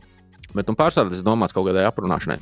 Un tur es gribu atrast uh, veidu un to saturu, kas tajā spējas formātā uh, Twitteristus uh, pavilkt. Un tur man jāuzaudzē burbulus, lai Lai man nebūtu jātaisa, ka man viens tāds eksperiments bija, kuru noklausījās tieši viens klausītājs. Ja?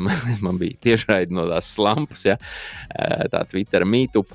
Un, un bija skaidrs, ja, ka tur nebūs daudz to klausītāju. Tas nebija tā saorganizēts. Es principā pēc ieslēdzu un gāju tiešraidē, un tur tieši viens cilvēks līdz beigām nosēdēja. Antresols veiciens, paldies tev. Es nezinu, kas tas ir par cilvēkiem, bet nu, ir tāds reāls tāds tēls. Viens.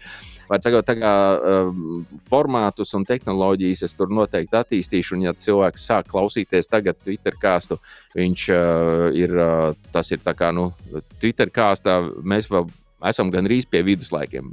Nu, pēc Romas impērijas pie viduslaikiem, nu, tūlītās pēc uh, kaut kāda brīža būs renaissance un jau kļūs interesanti. Galvenais, lai maskas nesačakarē visu pārāk strauji. Lai ņemās, lai, lai tur kuļtos ūdeņus, bet lai nu, neizslēdz gaismu šeit, ballītē. Uzreiz. Es baidos, ka viņš nevar izslēgt gaismu. Tas ir, ir tādi miljardi, un tas nu, gaismas izslēgšana nē. Es, ot, interesanti, kā būs, ka viņš tur atcels iespēju bloķēt vai kaut ko tamlīdzīgu. Nu, paskatīsimies, paskatīsimies. Man liekas, tur redzēsim. redzēsim. Nu, kat, katrā ziņā tur viss notiek ik pa brīdim interesanti. Twitteris ir interesanta lieta. Visiem iesaku, latvieši, eh, latvieši ir piemēroti Twitterim, un vispār Twitteris ir rītīgi latviešu padarīšana, kur tu vari no, no maliņas, bet drusku piedalīties. Ļoti labi. Ok, man liekas, perfekts uh, noslēgums šai mūsu sarunai. Tā tad uh, tāda saruna bija ar Juriju Garjānu, ko varam uzskatīt par podkāstu producentu, Latvijā zināmāko un, un šajā podkāstā populārāko. Uh, paldies, ka radi laiku pievienoties šai sarunai, un lai tev izdodas viss uh, ar šo uh, podkāstu, Twitter kāstu un arī citiem taviem podkāstiem. Paldies tev vēlreiz, ka uzaicināji, un, un es ļoti ceru, ka klausītāji, kurš to sagaidīja līdz beigām, nejūtās nejūtās nu, pazaudējuši stundu no savas dzīves bezvērtīgi. Okay. Paldies! O, jā, tā. Čau, čau.